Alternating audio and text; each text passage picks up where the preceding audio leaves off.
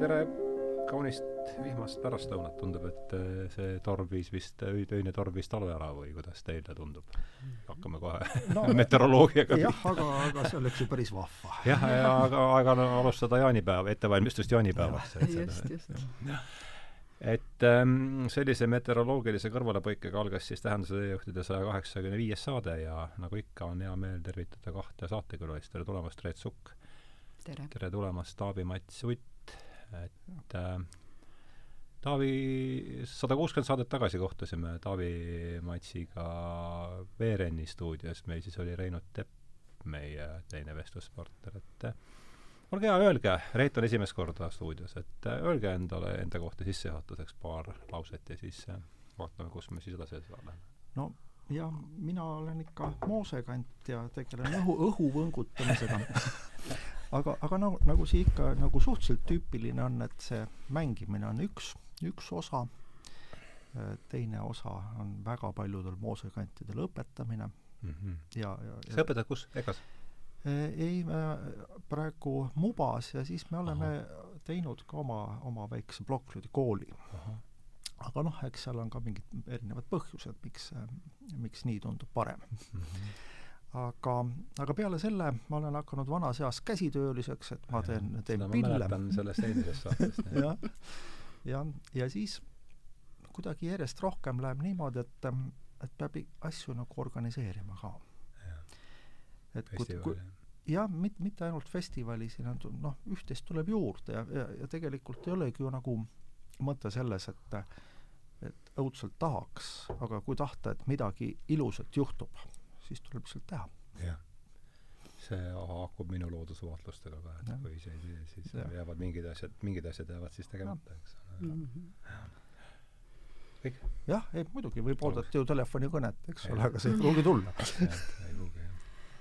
Reet, no, me, me kohtume täitsa esimest korda, me ei ole vist võib-olla lavale ainult kunagi olen näinud. jah, no mina samamoodi olen moosekant võngutan samamoodi õhku või natuke teistmoodi, eks iga moosekant võngutab natuke omamoodi. Aga te-, tegeleme ja ühe sama asjaga, ikka see varajasem muusika, vana muusika ja, ja ka õpetan samamoodi Mubas ja, ja samamoodi seal selles plokkflöödikoolis, mis me ise tegime.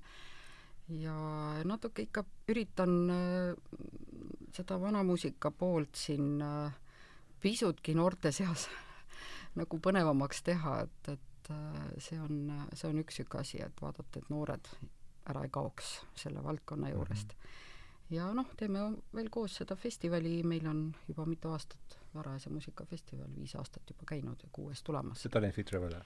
Tallinn Festival just, ja see tuleb iga aasta novembri lõpus, nii et siis õige, õige, siis te hakkasite kaks tuhat kaheksateist, kui te Reinutega käisite, siis oli esimene kord, eks ole? jaa, nii, nii see oli. noh, see on selline aasta kõige pigem pimedam ja süngem aeg, eks ole, et jõuluajal juba tuleb väike lootus ja valgus, eks ole, et siis me on see festival just esimese advendini. ja, ja just. ahaa, ja Taavi, sina mängid, ma mäletan, vaata nii palju ma natuke jõudsin üle kuulata seda, sa mängid plokkflööt on su põhiinstrument. midagi veel? ma olen, olen oma elus mänginud ka barokopoed, küll, küllalt palju, aga, aga see, selle, see pill on selline pill, mis nõuab pidevat harjutamist ja see on füüsiliselt raske on ja on, on vanasti. aga pole flöödiga pole palju teistmoodi või? nõuab ka on ikka. jaa, sellepärast et mulle nii meeldib see, et, et enne vanasti jaotati pillid kaheks, no praegu me jaotame ka, et meil on puhkpillid ja, ja keelpillid ja mm, ja, ja neid igapidi, aga siis oli peaasjalikult selline liigitus, et olid äh, professionaalide pillid Aha. ja diletantide ja amatööride pillid mm. -hmm. ainult et need tähendused on äh, kardinaalselt muutunud mm. -hmm. sellepärast, et professionaal mängis sellepärast pilli, et süüa saada. ja, ja amatöör sellepärast, et tegeleda kaunite kunstidega.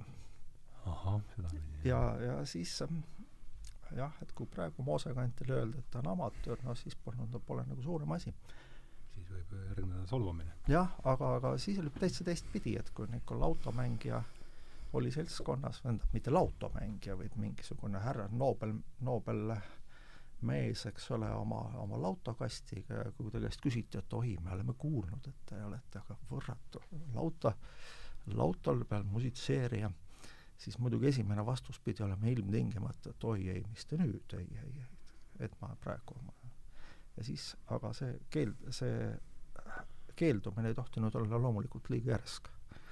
millele tuli uus, uus selline ja siis tuli veel kord ära öelda ja kolmas kord tuli siis loomulikult mängida mm. -hmm. ja see esimene asi, kui klauta kätte võeti, tuli häälde panna. ja siis loomulikult hoiti see niimoodi käes häälde panemises, nagu poleks iialgi kunagi lautot ennem puutunud mm. -hmm. ja ei pandud mitte kribinal-krabinal häälde, muidu publik oleks arvanud, et äkki on professionaal. Seda tuli nagu varjata.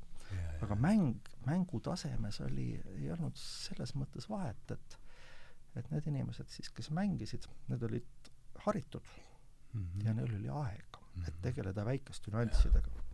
tuleb meelde kohe see Adolf Mentzeli maal, kus Friedrich Suur mängib seal äh, tuleb sulle ette see jah ja., ikka, ikka, see on hästi-hästi päris äh, ikkagi jah ja.. aga Reet, mis sina mängid? No ka plokkflööti, aga neid on nii palju, neid plokkflööte. ja neid on väga eri tüüpi, väga eri suurustes, nii et pille on kokkuvõttes väga palju, mida tuleb mängida.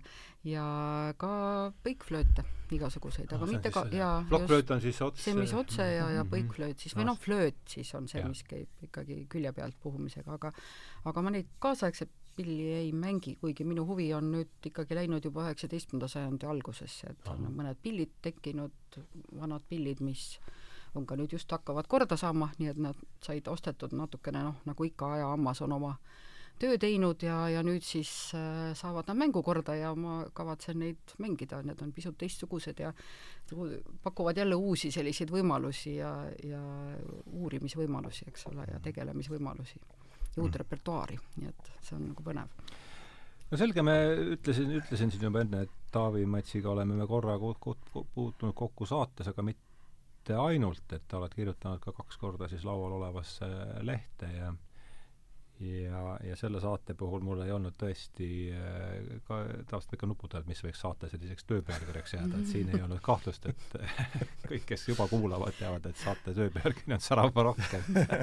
Räägi palun see lugu ära, see on väga hea, see on väga hea lugu, et äh, sellest sa kirjutad ka lehe siin kahekümne seitsmendas numbris äh, vähemalt, aga ei saa ju eeldada, et kogu no kuulajaskond oleks meie lehega kursis. no see, see oli iseenesest ilus lugu tõepoolest et äh, meil on selline suurepärane organisatsioon nagu Eesti Interpreetide Liit ja, ja nad peavad hoolega äh, muusikapäeva, see on siis esimesel oktoobril, ja nad tahavad, et siis seesama muusika kõlaks kõikvõimalikes kohtades.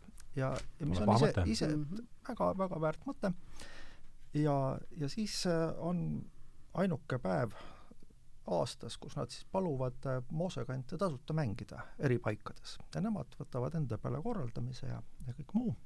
ja moosekandid siis lähevad kohale ja, ja, ja rõõmustavad publikut ja aga noh, see on hästi suur ettevõtmine no, no, no võib arvata. ja, ja kui on selline suur asi, siis tihtipeale no info läheb natukene lappama no see on üks kindel, kas ma läks kõrvust mööda, see on üks kindel päev aastas, äh, äh, liigub või on ei, esimene oktoober. esimene oktoober, jah. Mhm. jah, see on selline rahvusvaheline muusikapäev. rahvusvaheline muusikapäev. Mm -hmm. ja siis juhtus küll niimoodi, et, et meie ansambel Cantoras Vagantes saad-, meid saadeti äh, sinna Rakvere maa, maale. kust sina pärit olen?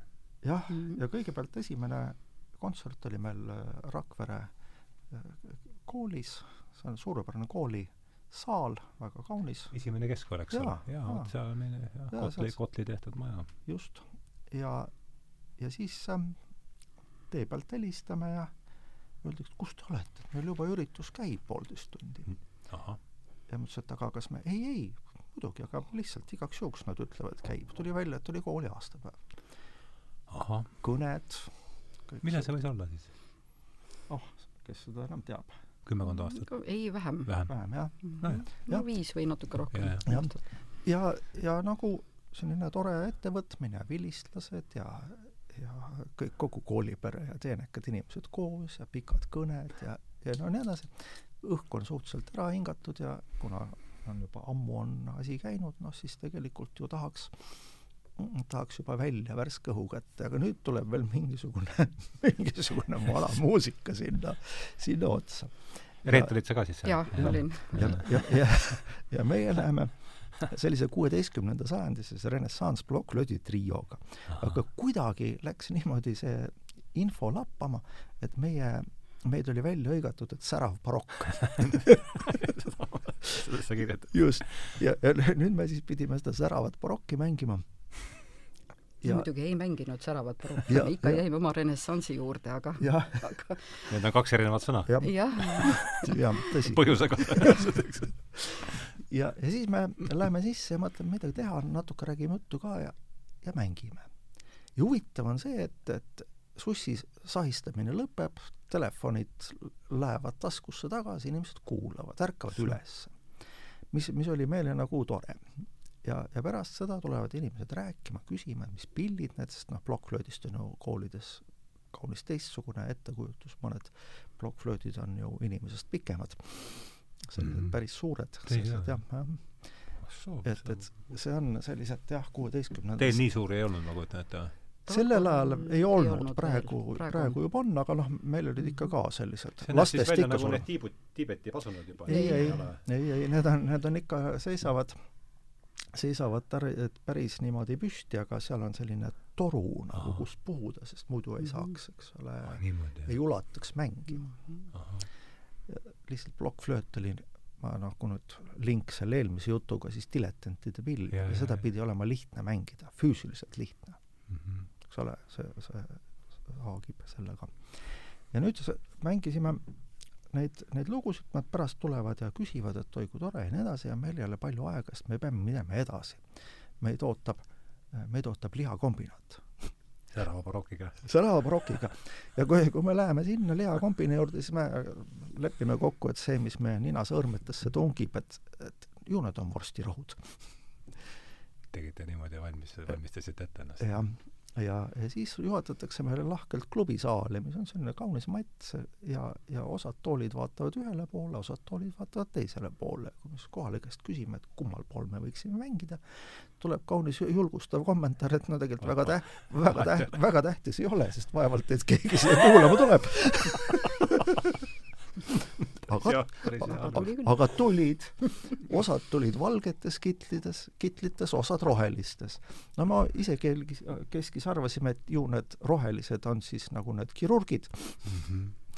ja, ja no nagu see oli tegelikult hästi vahva rahvas, sest need olid kõik väga terve jumega, sellised mm -hmm. heas ja, siis me mängime ja mul tekib kahtlus, et äkki nad arvavad, et need kõik on ühtemoodi lood natuke. ja kui ma seda küsisin siis nad noogutasid muidugi pead ja siis ma natuke seletasin ja siis neil läksid silmad suureks, nad hakkasid teistmoodi kuulama ah,. nii, aga kuidas sa seletasid seda, huvitav, et äh, ilma, et äh, mis, paar märksõna lihtsalt? jaa, ei no see, et, et, et meil on erinevad hääled ja erinevatel väärtustel on eri, eri viisid. me oleme ju täp-, siiamaani, kui on mingi ansambel mängib, siis tihtipeale on üks viis ja siis teise, teine on rohkem või vähem saade aga seal on igalühel oma jutt, mis läheb kokku ja vahepeal keegi vaidleb vastu, vahepeal kiidab takka, et noh, ja siis nad põimuvad ja vestlus, jah. jah, lased nagu, õpetad inimest kuulama niimoodi, juh-, juhatad Just. kuulama seda no mingisugune muusikat. väike, sest tähendab, see, see, mhm. seda, seda ei saa isegi kuidagi noh, nagu see on ju normaalne, sest iga päev ei kuule no, sellist ei, muusikat, et see, raadiosse ei tule väga teistmoodi muusika, jah. ja, ja jällegi äh, inimesed olid päris, päris rahul. Ja meie viimane Särava baroki oli üksik, Tapa üksikjalaväe kompaniis. nõudlik publik. nõudlik, nojah, me, kui me dokumente vormistasime, et sinna sisse saada, siis me nägime sõdureid marssimas ja ma tegin nalja, et nüüd tuleb, tuleb publik marsisammul. aga ei olnud nali tulidki, see oligi oli. meie publik, kes tuli marsisammule, eks ole. seal, seal liigutakse niimoodi. jah, ja, ja, ja, ja tegelikult ikkagi kolm, kolm sellist äh, esinemist ühel päeval ja tõenäoliselt äh, kui kui see ei oleks olnud äh, vabatahtlikult sunniviisiline või sunniviisikult viisiliselt vabatahtlik, see, see kontsert, siis vaevalt meid keegi nagu oleks osanud kuulama tulla. aga ühendas see, et tegelikult ikkagi kolm saalitäit rahvast äh, ärkas üles ja pärast tulid, tulid inimesed rääkima sõdurid ka, jah? sõdurid ka, sõdurid ka, see oli täiesti hämmastav et see oli, see oli, esimene pilk oli, nad nägid natuke ühtemoodi välja muidugi nagu loodki. jah, nagu loodki. aga kui hakka vaatama ikka näkku, mitte ainult rohelist riietust, siis tuli välja, et igaüks on tõesti erinev, nagu meie muusika mitte ainult riietus, ka soengud on sarnased ja, ja siis ja. jäigi selline lava poolt vaadatuna mulje, et ja. nagu muidugi. oleks kloonitud terve, see oli väga huvitav elamus, ma midagi paha, see ei ole midagi paha ei taha öelda. see nii see on ju, soengud on sarnased soeng-. minu jaoks täiesti uus kogemus ja. oli see, et see võib päris sürr olla. nagu ja. natuke multifilmilik tunne oli ja. sellel hetkel, päris huvitav oli. aga see jääb meelde. ma usun jah, ja tundub, et kuulajatele ka. mis su oligi see aga kena traditsioon siis tegelikult, et selline asi oh, jah, ja, ja no see ei ole ju päris uus, sellepärast ja, et jah. kui me vaatame nagu hoopis vanemaid aegu, eks neid kolhoosi kontserte oli ju kogu aeg Rudniklus meelde kohe Venemaa just, just. ajaloos niisugune nähtus, eks ole. jaa, jaa. aga vaatame, mõtlesin, et liiguks täna niimoodi üks, üksi, üldiselt üksikule. jah et siin on, lugesin veel üle selle, see, mis sa kirjutasid Marju Lehte siia, selle ja. pikema loo, et mingid asjad jäid, mingid asjad jäid oh,, ma hakkan hoopis sealt pihta, mis mind reaalselt tegelikult huvitab praegu kõige rohkem. võib-olla oskate teie siin, pidas Toomas Siitan pidas meil loengu siin Bachist.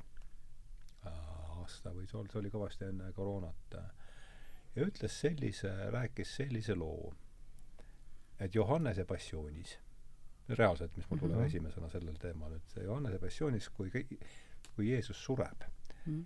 siis järgnev bassi aaria on, ma ei mäleta, mis see helistik on, aga see on helistik, millega siis selles muusikalises traditsioonis tähistati rõõmu äh, vot ei tule mm -hmm. meelde, ma, kas mm -hmm. võis olla Re mažoor näiteks, või eksida ja, ja ta on käinud isegi ühel äh, Johannese passiooni esitusel, kus see on lihtsalt ära jäetud.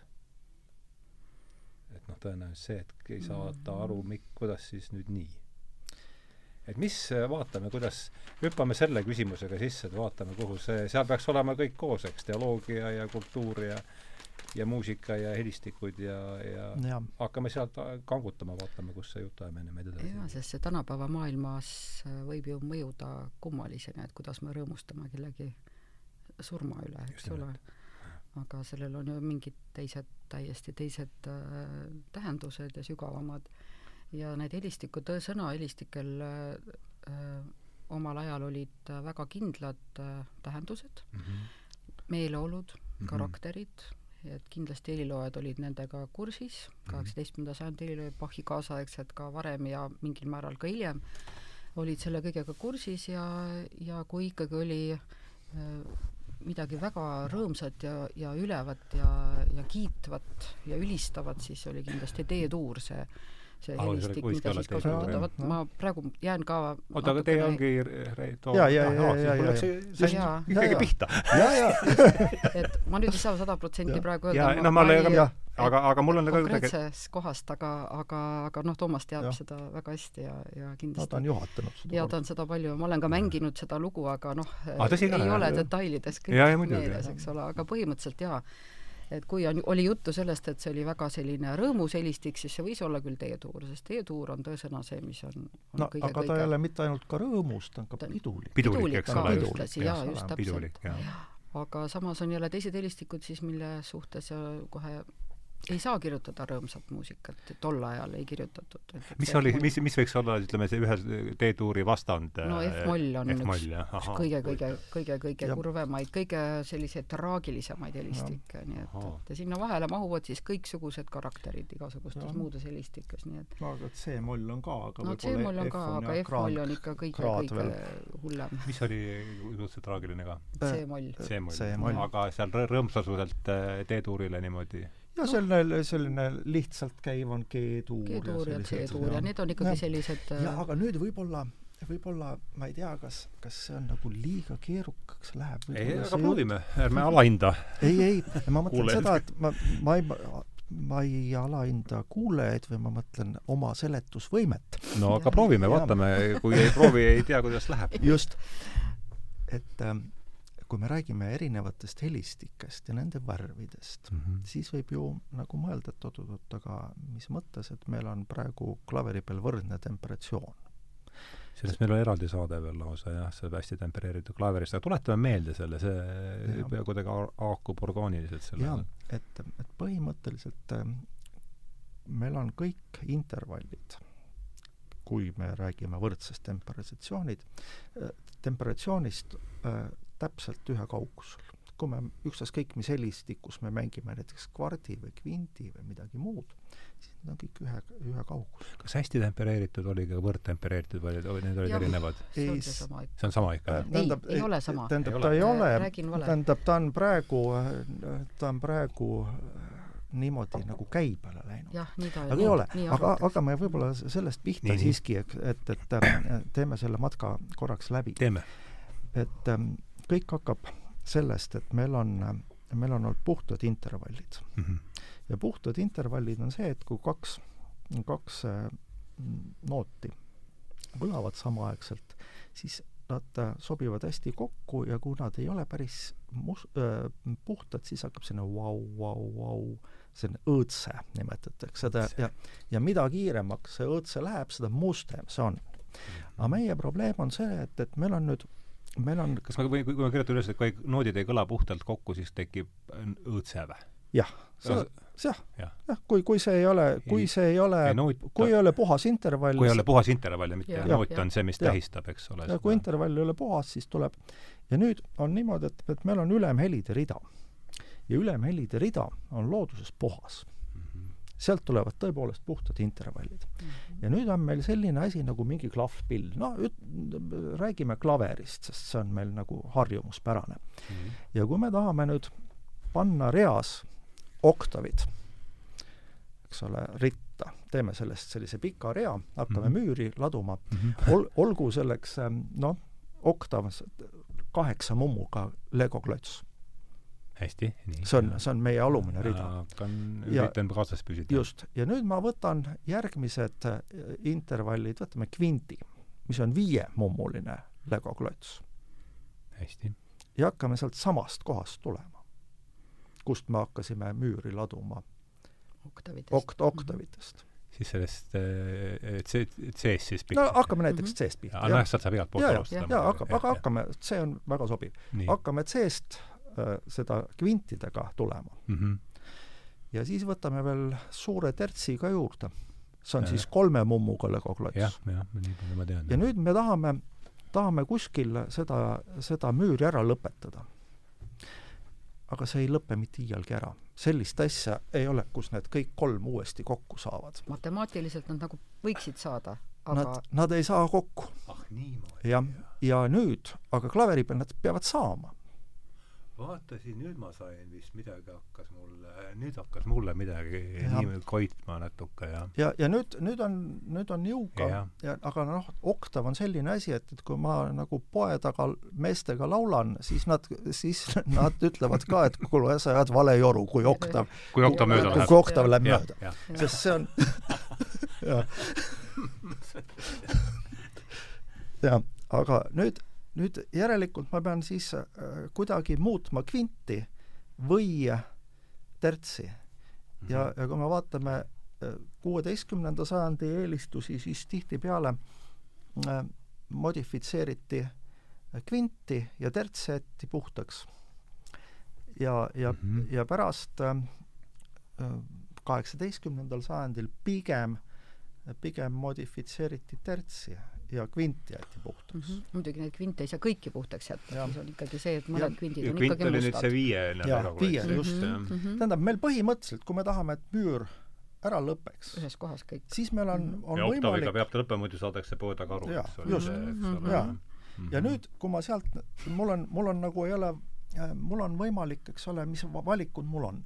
mul on võimalik, et ma teen noh, invaliidklotsi lõppu ma lihtsalt lõikan selle läbi, seda Toomas selgitas niimoodi, see on tema selgitab, see jäi mulle meelde, see kujund, et seal on, see on nagu tolmuga, et kas mä-, määrid tolmu ühtlaselt põrandale mm -hmm, ära või jah. viskad tolmurulli sinna just, voodi alla, eks ole. see, see, see invaliid-tert on siis see, kui viskad tolmurulli eh, voodi, voodi alla, alla.. on, on nii, eks ole? on jah, just, just, see sobib väga hästi.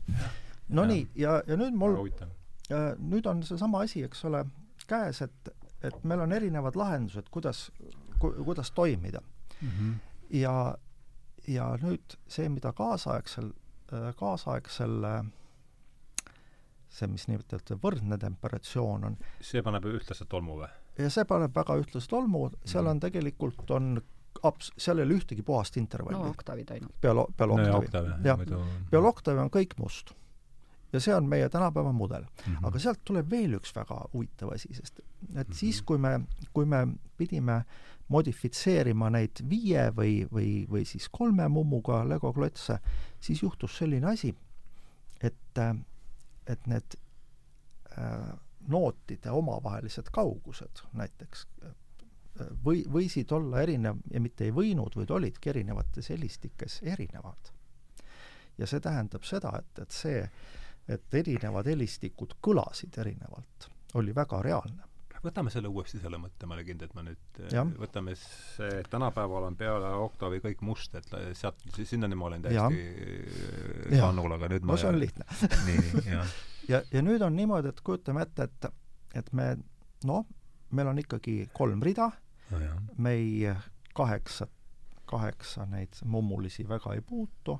Need on paigas? me pu-, kuskilt mingisuguseid kvinte natuke nudime, eks ole, et, et seda asja ühtlustada, natuke mõnda tertsi, siis juhtub selline asi, et mingisugused intervallid on küllalt puhtad mm. -hmm. ja mingisugused vähem puhtad. ja see, see, ja see isegi laiendada akordidele. ja see on, on juba vähemalt kolm nooti korraga, eks just. ole, see on veel aga see tähendab selgem. seda, et, et kui ma tahan mm -hmm. mängida, siis võrreldes nüüd tänapäevase häälestusega on paljud helistikud oluliselt puhtamad mm. -hmm. aga kui ma lähen mingitesse kaugematesse helistikesse no need, mis on voodi alla lükatud. jah ja, ja, siis, siis ja, neid ja, ma ei ja. saa peaaegu kasutada, sest see läheb väga ja, mustaks. nüüd ma saan, nüüd seal ei ole mingi klots, seal ei, seal ei mingis Bachi mm -hmm. dokumentaalfilmis, et nüüd sai esmakordselt teha kõikides helistikes lugusid, eks, ja see on see, kus see hästi tempereeritud klaver mängu tuleb, vist on seal enam-vähem midagi haakub jah, jah, jah. et ma enda jaoks lihtsalt avastan siin Just. käigu pealt. aga, aga nüüd on põnev asi see, et, et, et kogu aeg püütakse, püüti mm -hmm. läbi muusika-ajaloo teha äh, sedasi, et mm, -hmm. et mhm. neid kasutatavaid helistikke oleks võimalikult palju. eks ole, et ma saan tõesti värve, värve rohkem, eks ole. jah, aga samal ajal sellest hetkest, kui see õnnestus mm, -hmm. siis me kaotasime kõik värvid mm. -hmm. sellepärast, et kõik helistikud kõlavad täpselt samamoodi. sellepärast, et, sellepärast, et kui ja, me võtame nüüd mingisuguse vana helist, äh, vana temperatsiooni mm. -hmm. no temperatsioon on, on siis, äh, temperatsioon tähendabki seda, kui me muudame puhast intervalli noh, must, mustemaks. see on see, mida temperatsioon tähendab? see on temperatsioon, jah temperatsioon tähendab musta või puhta intervalli ja. mustemaks muutmist. jah, aga tähendab, meil on, meil on seda vaja teha mingites selgit-, selgites eesmärgi nimel jah, või vajaduse nimel jah. jah, et me peame, me peame puhast mm. tempereerima, me peame seda kuhugi, kuhugi nihutama natuke. ja see, mida tempereeritakse, on intervall? või? saan ma, ma nüüd sõnadesse jah, jah, just mm. -hmm. aa, vot see on küll huvitav ja, ja siis on niimoodi, et, et kujutame ette mingisugust intervalli ja kui ma mängin seda näiteks D-tuuris, siis, siis mingi intervalli vahekaugus ei ole identne vahekaugusega mõnes teises helistikus.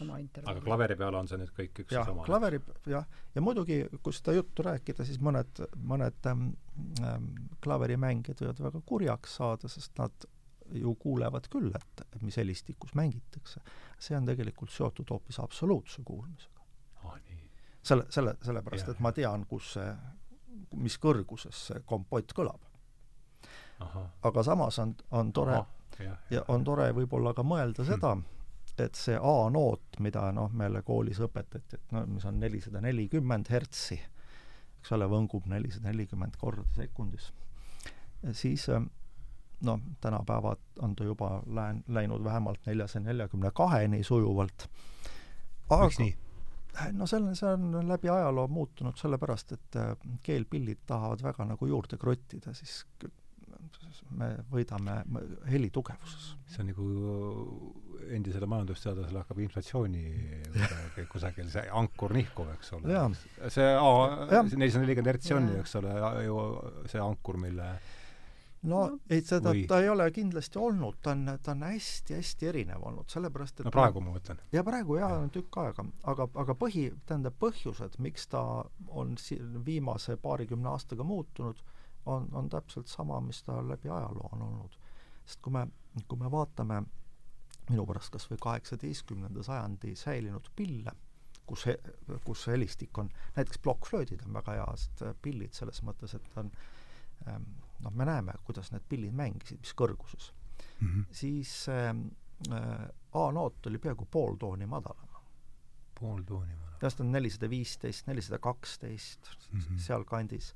ja, ja Prantsusmaal tihti kolmsada 300 üheksakümmend viis seal kandis. toon on siis see, mille kohta on oma noot seal selles või kas on, ma mõtlen, ma olen täiesti asja ei no ma mõtlen seda, et, et kui mida kui... tähendab, mida tähendab üldse toon, mida tähendab pooltooni selles? no oktav ongi jaotatud kaheteistkümneks pooltooniks ah,. jah, selge, jah, jah, jah, siis ma saan enam, jah, siis ma olen, jah, jah. ja nüüd, tähendab selles veel, ma ei tea, kas enne vist jäi ütlemata, et see kaksteist pooltooni, siis selles, selles võrdses temperatsioonis on nad võrdsed on, on kogu see oktav on mhm. jagatud absoluutselt võrdseteks pooltoonideks mm. -hmm. aga, aga hästi tempereeritud ja, ja võrdtempereeritud ei ole ikkagi sama siis või? no tähendab, tänapäeval vist, vist nagu peaaegu kõnepruugis on, on, aga, aga ja. see, mida Bach kirjutas, muide ei ole ka kindel, et see, isegi üsna kindel on, et see ei olnud, Bach ei siiski ei pidanud silmas võrdset temperatsiooni, kui ta kirjutas oma hästi tempereeritud klaviiri, eks ole, need kaks ühikut, just, just, et ta ei, ta ei pidanud silmas tegelikult äh, võrdset temperatsiooni, vaid isegi on äh, uuritud ja no üks teooria on, isegi on välja nuputatud, äh, milline häälestussüsteem tal siis peal oli, kui ta ja. seda silmas pidas, millist häälestussüsteemi ta silmas pidas, kui ta seda teost kirjutas. ja põnev on see, et, et selle ta kirjutas oma teose tiitellehele. jah, see on jah, see on üks mm -hmm. mida ei pandud, seda ta lihtsalt on no, nagu on selline ornament, ornamendi selline. moodi asi, mis tundub olevat kaunis õpilaslik kritseldus. noh, et, et ei ole nagu päris ei lähe kokku selle pildiga. aga see tegelikult äh, viitab sellele häälestussüsteemile, mis võimaldab tõesti kõikides helistikes mängida, aga mis tegelikult ei ole võrdne temperatsioon. mis jätab siiski alles helistike sellis-, sellised äh, isikupära. isikupära, jah, täpselt mm. -hmm. ja, ja loomulikult, eks ole, kuna neid temperatsioone äh, no see on, see on praktiline asi, see ei olnud isegi muusikateoreetiline asi, sest kui muusi-, moosekandil on näiteks klavessiin ja ta peab selle häälde panema ja tal ei ole ähm, abivahendeid, noh siis ta peab kuidagi need kompromissid tegema ja, ja kaunis tõene ja me ei saanud seda ju, sellel ajal ei olnud võimalik seda täpselt mõõta, kõrv oli kohtunikuks ja oli täiesti selge, et, et paralleelselt olid kasutusel noh, nagu ka erinevad temperatsioonid. ja kõik temperatsioonid, mis on, mis on meile säilinud ja neid on päris palju ja need kirjeldused on detailsed, on põhimõtteliselt oreliehitusest sellepärast et orel on selline suur pill, mis on tihti viiel korrusel kirikus, eks ole, ma ei saa lihtsalt katse-eksituse meetodil, ma ei joosta edasi-tagasi. et mul peab olema mingi, mingi süsteem. süsteem peab olema. ja, ja tänu, tänu oreli ehitusel, mis on nagu selline täpne värk, et see läks nagu teooriaga hästi kokku, siis, siis on neid erinevaid ähm, häälestussüsteeme väga, väga selgelt kirjeldatud mm. -hmm. ja aga, aga noh, et, et kuidas, milline oli täpselt praktika et, et kas see tähendas seda, et, et need ähm, jah, neid me võime teisi klahvpille ka ju häälestada sama süsteemi järgi, aga kas see ilmtingimata nii oli? Äh, no kes teab. aga igal juhul ta oli asi võrdsest no nagu väga kaugel. sest võrdset temperatsiooni ilma elektrooniliste vahend, abivahenditega äh, pillile peale kruttida on, on äraütlemata keeruline. ja aga ma tahakski siit minna edasi. Võib-olla siit on hea välja, see, see on sinu selle Marju lehes ilmunud väikesed diferentsid, kompliment, meil on selge, selged ja huvitavad lood, et ma noh, tead, ma ei ole, ma ei ole ekspert, aga aga aga aga nii ma arvan.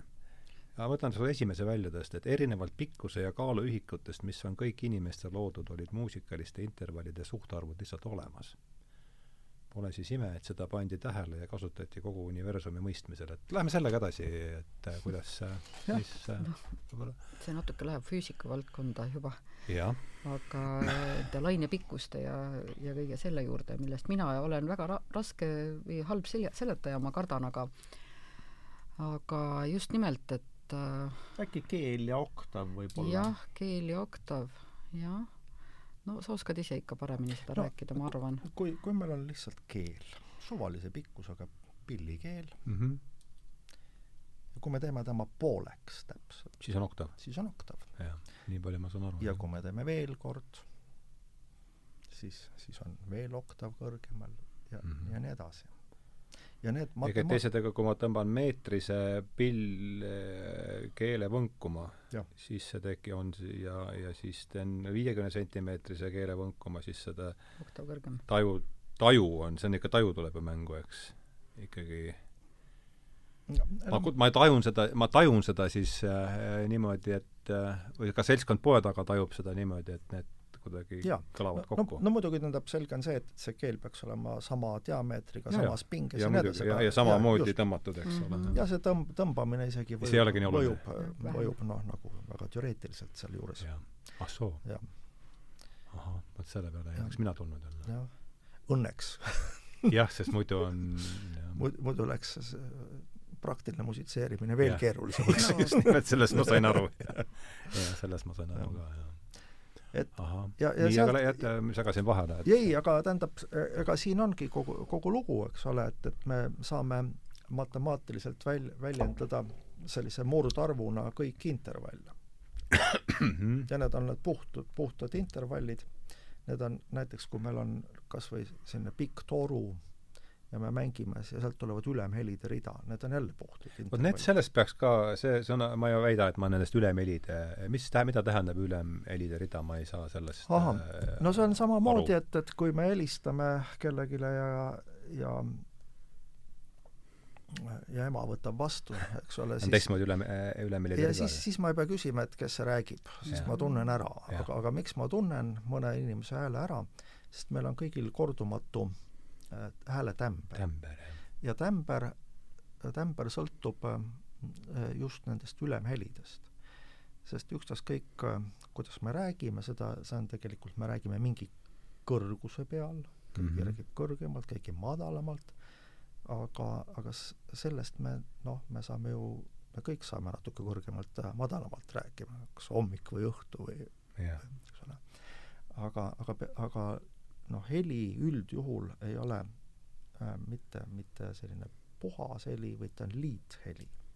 et hel-, et kui, kui ma räägin kuskil sellise tooniga siis see, mida ma kuulen, see on see põhiheli mm. -hmm. aga sealt samal ajal kõlab see asi veel oktav kõrgemalt kaasa, äh, kvint mm -hmm. kõrgemalt, kvart kõrgemalt ja nii edasi mm. -hmm. sellest tuleb, tuleb mingi kimp sealt tuleb mm, -hmm. sealt tuleb kimp ja aga see on nüüd kõik ülemelid ei ole iga heli juures ju olemas, eks ja. ole, mõned ülemelid võivad ka puududa sellest balletist nii-öelda ja Just. siis teine teine asi ka mõni võib olla rohkem domineeriv ja teine nagu tagasihoidlikum, et siis nendest ülem, ülemhelide arvust mm -hmm. ja, mhm. ja nende, nende sellisest Oota. intensiivsusest ja, ja, ja. Äh, tuleb tämber ja see on just see, mida Aha. oleme ülemhelid loovad äh,, loovad tämbri. ma panen, vaatan siin sõnastikku ka ette, siis on lihtsam, et jah. et ja, jätka, siis ma saan lihtsalt samal ajal mm -hmm. no nii, ja, ja nüüd see ülemheli koosneb jällegi Äh, tegelikult puhastest intervallidest. ülemeli ülemelide rida. ülemelide rida. ja, ja ta on puhtalt eks ole. ja kui me, no tegelikult see on ju isegi vist põhihelist nõrgemini kuuldav heli, et harmoonilise mm -hmm. võnkumisel mm -hmm. tekib põhihelist nõrgemini kuuldav heli mm, -hmm. jah okay.. see ei pruugi isegi alati olla nõrgem, näiteks viola da gamba esimene üleheli on noh, hästi intensiivne, vahel on, vahel lollitab häälestusaparaadi ära, et ta ei saa aru, kas, mis oktavis ah, seda mängitakse mm. -hmm. see võib ka juhtuda, jah ja, ja näiteks plokkflööt sinna vastu on, on äh, hästi põhjali keskne, et, et ja. seal on äh, ma midagi aiman nüüd jah ja., rohkem kui varem natuke mm -hmm. sellest, mitte ma lõpuni kindlasti aru ei saa. plokkflöödi ansambel on tegelikult hästi kõrge, nii faktiliselt võttes, no kõige madalamad äh, noodid pillidel on päris kõrgel, aga kõrvale mõjub see tänu nendele ülemhelide sellele pigem kombole mõjub ta nagu jah, vaesusele, aga et see, mis sul siis just on ülemelidest olemas selles tämbris, see mõjub hästi madalale, ta mõjub oktav madalamale, madalamana, kui ta tegelikult on. no tämber on kõla, kõlavärving, ma loen siit, kõlavärv, eks ole, nii ma olen sellest ka aru, aru saanud kuulaja. ja see tekib siis selle, tänu sellele, et ei tule sealt mitte ainult üks, vaid terve mm, -hmm. terve kimp neid jah. no see on suhteliselt visuaalselt, kui tal on kumm, selline kummipaelajupp ja tõmbad selle pingule ja, ja panete võnkuma ja siis on kohe näha, et, et ta ei, ei võngu ainult sellises täispikkuses, vaid ja. seal on veel teisi võnkeid ka, eks ole. ja, ja, ja. ja nendest teistest võnkude, võnkumistest tekivad Just. ka veel sinna lisahelid mm. -hmm. ja nüüd on meil häälepaelad, mis on samamoodi ja lõpuks ka need, et meil on, meil on, ole, ka see resonaator ehk meie pea ja, ja, ja rindkere, mis meid, mis, eks ole, ka sellele kaasa aitab ja sealt tulebki meil igal, iga, igal inimesel kaunis kord-, kordumatu hääletämber. äratämber, jah. ja see, mis paneb selle heli elama sisuliselt, eks ole. jah. mingis mõttes. võib, võib nii öelda küll. jaa aga vaatame edasi siit veel, et ma ei äh, olen, püsime veel üksiku, üldise juures veel, mis mind, mhm. mis mind siin, mis mulle siin jäi teisel lugemisel või mitmendal lugemisel, ma olen seda mitu korda siin mm. -hmm. jaa.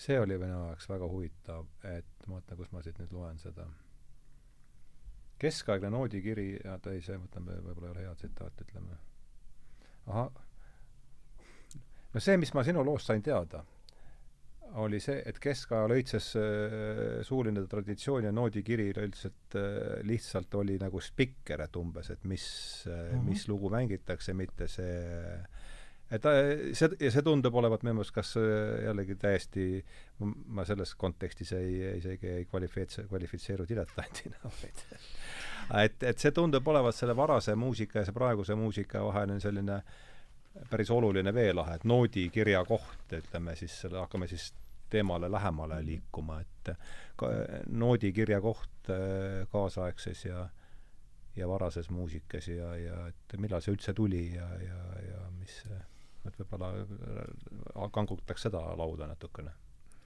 jaa, no eks muusikat on ilmselt üles hakatud kirjutama ikka juba päris ammu, et isegi mingil moel. kindlasti noodi, see üleskirjutamise viis on olnud ju erinev läbi, ma ei tea, aastasadade, tuhandete peaaegu. aga, aga nüüd esimene selline noodikiri, mis võib-olla sarnaneb või millest siis meie tänapäevane on, on äh, välja arenenud, noh, seegi on päris vana, ma ei hakka praegu täpselt aastaarvu ütlema, aga aga see oli ikkagi see, et ta andis kätte sulle võib-olla esialgne muusikasuuna, e, meloodia liikumise suuna, kas ülespoole mm, -hmm. kas allapoole, esialgu kindlasti mitte, kui pikk see noot on, mida ma laulma pean. see pikkuse märkimine tuli kõik hiljem, aga esialgu see lihtsalt, kas ma liigun oma meloodiaga ülespoole, kas ma seisan paigal, kas ma liigun allapoole ja mm -hmm. loomulikult oli see alguses ikkagi vokaalmuusika ülesmärkimiseks et see, et me siin instrumentaalmuusikat hakati kunagi kir-, üles kirjutama, see on nagu ma ei tea, keskajast ja, ja kui nii võtta, siis äh, kes kirjutas muusikat üles, ilmselt kirjaoskajad inimesed ehk enamasti ikkagi kirikute kloostrite juures mungad, vaimulikud mm. -hmm. ja, ja nemad äh, ikkagi esmajärjekorras panid kirja vokaalmuusika. ja instrumentaalmuusika, kuna kirikute ja kloostrite juures ikkagi pille ei olnud, see oli kõik vokaalmuusikale põhinev, siis see instrumentaalne muusika oli väljapool, noh, see oli nii-öelda ilmalik. ja kes siis selle üles kirjutas, ikkagi needsamad vaimulikud, kes siis, nad ei olnud ju ainult seal nelja seina vahel, eks nad käisid ringi ja kuulsid ja, ja arvasid, et võiks ka kirja panna. Ja panid selle kirja oma üleskirjutamise süsteemi järgi. ja siis meloodia suund kõigepealt. noh, esialgu see ja, ehk ja, siis kõrgus ja madalused ja ja, kuidas see ajas ja, liigub, ja võib-olla juba natukene hiljem ikkagi nad juba olid ka need pikkused tähistatud, seal keskajal olid juba teada, et ikkagi nii pikk noot, nii pikk noot, aga me ei saa ju seda kõike päris täpselt kirja panna. aga kus me ütleksime, et kus on nüüd see, nii nagu me tänapäeval noodikiri, et mis, mis ajaks see umbes oli nüüd, et noh, nii, see on nüüd paigas, mis, kuhu me selle võiks, see on huvitav minu meelest. noh, ma tunnistan, et ma ei saa aasta No, no, umbes sajandit see- öelda, aga, aga ikkagi keskaega jääb see asi, nii et, et keskaega jah keskaega jääb see. ja aga see on, see on tulnud nagu hästi vaikselt ja ega me ei ole kuhugi kohale jõudnud. ja tänu sellele, et me ei ole Muutub. kohale jõudnud, tänu sellele interpretatsioon kui kunst ju veel ka elab. Mhm, muidu tuleb sel-, sellepärast, et kui, kui hästi me räägime ju nüüd kogu aeg sellist juttu, et need eriti varase muusika mängijad, et ähm, muusika lähtub tekstist jah, sellest sa kirjutasid selles ähm, loos, ma mäletan. ja aga, aga mis asja see tegelikult tähendab, see tähendab seda, et meil ei ole kahte ühesugust nooti. ah soo. tähendab, meil, meil muidugi noodikirjas on, ja, ja, ja ei ma aga kui meil on rida ühepikkuseid noote, siis me ei saa neid täpselt ühepikkusena mängida. see oli see kaua sõna on all seal, mis dikteerib asja, jah Mm -hmm. mm -hmm. annab Selle- kätte, milline tere päevast, mu kallid sõbrad. mis ta funktsioon, mis funktsiooni ta kannab. ma ütlen Mhm. tere päevast, mu, eks ole, ma, mul on või hea tere ja päevast, mu kallid sõbrad, ka ei sobi. jah. et, et seal on ko- ko- kogu aeg, aga me, me ei saa seda siiski täpselt edasi anda. me mm, Mhm. kirja panna ei saa. ki, me ei Kirja saa kirja panna saa, jah. Mhm. ja, Mhm. ja Jah, lõpuks, kui ja kui kirja saab panna, siis ei ole sellega midagi, midagi peale hakata. katsu sa seda maha, maha mängida. see oli ju, see oli ju päris lõbus, oli, oli see, et, et kui arvuti hakkas muusikat mängima ja siis olid hääled, ütles, et noh, kallid moosekantid, pakkige oma pillid kokku, sest kohe, kohe mängib arvuti muusikat ja tema mängib palju paremini. no seda juttu me kuuleme siin ühes ja teises kontekstis kogu aeg. ja, ja aga no tegelikult äh, see, mida, mille poole inimesed on tihti püüdnud, no tähendab, hea küll, see on natuke mustvalge, aga aga näiteks Herbert von Karajan, tohutult selline tuntud ja hinnatud äh, tõesti, tõesti epohhi loov dirigent, tema ikka idee oli see, et, et tuleb mängida täpselt autori teksti, nii nagu autor on kirja pannud ahah, tema oli selle suuna esindaja. Jah. ja ta korjas maailma kõige paremad moosekandid kokku, nad mängisid ja mängisid väga hästi, sest nad mängisid koos ja hääles. aga kuna nad ei suutnud paratamatult mängida niimoodi, sest nad olid musikaalsed inimesed, neil tegelikult ei õnnestunud päris masinaks kätte minna. aga seal olid mingid kvaliteedid olid loomulikult väga head. aga nüüd esmakordselt tuli välja, et tegelikult arvutit tõepoolest saab mängida nii, nagu kirja pandud on. ja, ja see, et, et see ei, ei paku kellelegi mitte mingisugust kõige väiksematki huvi, see sai kaunis ruttu selgeks. mm. -hmm. ja see tähendab seda, et, et noh, need mingisugused äh, arusaamad äh, muutuvad ju, on, on muutunud kogu aeg. mm. -hmm. vaatan just. ahaa.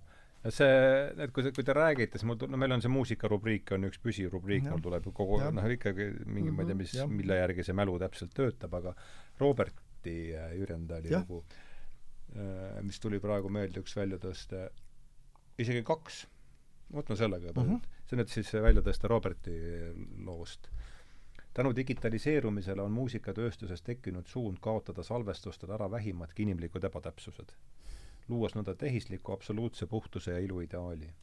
see omakorda loob kuulajatele illusiooni muusika esitamisest loomulikus keskkonnas ja survestab orkestrit interpreteete, kelle elavat esitust võrreldakse, võrreldakse tahes-tahtmata välja tuunitud salvestustega, see kuidagi tundub mm -hmm. riimuvat sellega, mida te just jaa. äsja rääkisite, eks Mhm. muidugi, ja, ja see noh, salvestus, kui see on, see on ju tegelikult ikkagi juba pikka aega interpretatsiooni oluliselt mõjutanud.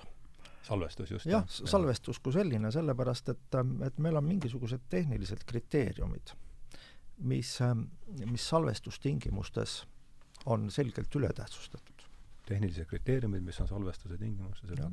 Seda jah, no, no kui kuulata esimesi salvestusi, näiteks klaverisalvestusi, siis äh, noh, mis on väga, väga selge, ilus polüfoonia, aga parem ja vasak käsi oli isegi omavahel koos. mm.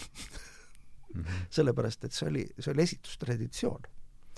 Mi-, mi-, mida praegu muidugi ei tuleks nagu kõne alla aga vot nüüd ma sain sõnadest aru, aga, aga tingimata mitte mõttest. et anna mulle sinna juurde, palun. Noh, see ongi see noodistamise ja noodi kirjapanemise selline paradoks, et ma panen küll selle kirja, noodi kirjas on midagi täpselt ühel ajal mm -hmm. kirjas, aga äh, see, mis Taavi ütles, et ei olnud parem ja vasik, vasak käsi koos, tegelikult ei mängitud koos, vaid väikese niisuguse nihkega, võib-olla natukene ahah, ma mõtleks, et äh, ja, ja nüüd ma sain aru. ja see võib olla ka see, et noh, kui üks ansambel mängib, ega see ei tähendagi seda, et kõik on äh, täpselt ühel ajal kõikide oma noh, oma, oma liinis nagu, et tema ajab äh, paralleelselt äh, muusik võib-olla peaks rohkem ajama tihtipeale oma liini, kui kogu aeg vaatama seda, et ma olen igas üksikus noodis täpselt teise ansamblikaaslastega ühel ajal koos. Et äh, see tuleb see asi, et võib-olla sealt ka tuleb see ja, ja see, see- see see, see Mhm., see võib-olla see esitustraditsioon natuke tollel ajal, et, et äh, see ei Jaa. olnud veel nii tähtis, et kõik peab olema kogu aeg Jah. perfektselt koos, eks see on muutunud läbi ja, aegade, ja, ja nüüd, kui me vaatame ju seda ikkagi varasemat, see varas mu-, varane muusika, see on, või vana muusika või ükskõik, kuidas me ütleme, see on, see on, see on nii, nii kole sõna. ja mul ei ole midagi Mhm. targemat pakkuda. Sellepärast, et äh, sel puudub ühine nimetaja, sest varane muusika on keskaja muusika ja, ja, ja lõpuks, kui me klinkat mängime vanade pillidega, siis on see ka. mis, mis see varajane muusika siis on? et seda, see mulle tundus naljakas. jah, jah, nojah, et, et tegelikult et, et me, me, me oleme kaunis, kaunis ikkagi nagu puntras, jah, jah. aga kui me räägime minu pärast kas või kuueteistkümnenda, seitsmeteistkümnenda, kaheksateistkümnenda sajandi esitustraditsioonist, siis oli selline asi nagu taktus. taktus, taktus see on, takt tuleb sealt siis või? ei. ja, ja, ja ei, see, see on selline pidev löök, selline ühtlane liikumine, mis kaunikesti oli sellise südame, südamelöögi rütmi poole. rütmis. Ja vastavalt siis äh, seda taktust sai äh, sinna peale sai siis mängida kas selliseid rahulikke või, või hoopis kiireid asju, aga see põhipulss oli sama, nende, meil on loos rütmid Taktus, ja on, jah, ja on, ja on pulss. ja see pulss, eks ole, tuleb sellest taktusest.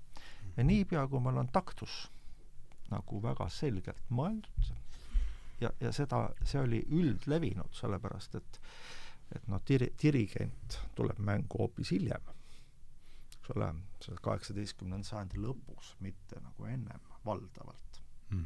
Et inimesed mängisid koos, aga kuidas, kuidas suurema seltskonnaga kokku saada. eks ole, see, et, et kõik see, kõik see mäng on taktuse põhine, see tähendab seda, et me suurtes ühikutes oleme koos, aga väljas vahepeal on palju väikseid noote ja seal me oleme suhteliselt vabad ja see elab, eks ole, aga, aga meil on, meil on ikkagi mingid kohad, mis on täitsa vältimatult koos ja mm, Mhm. -hmm. mis hoiavad selle, moodustavad selle nagu sellise selgroo aga, aga mul ei ole krampi olla kogu aeg, Mhm. kogu aeg täpne, Mhm.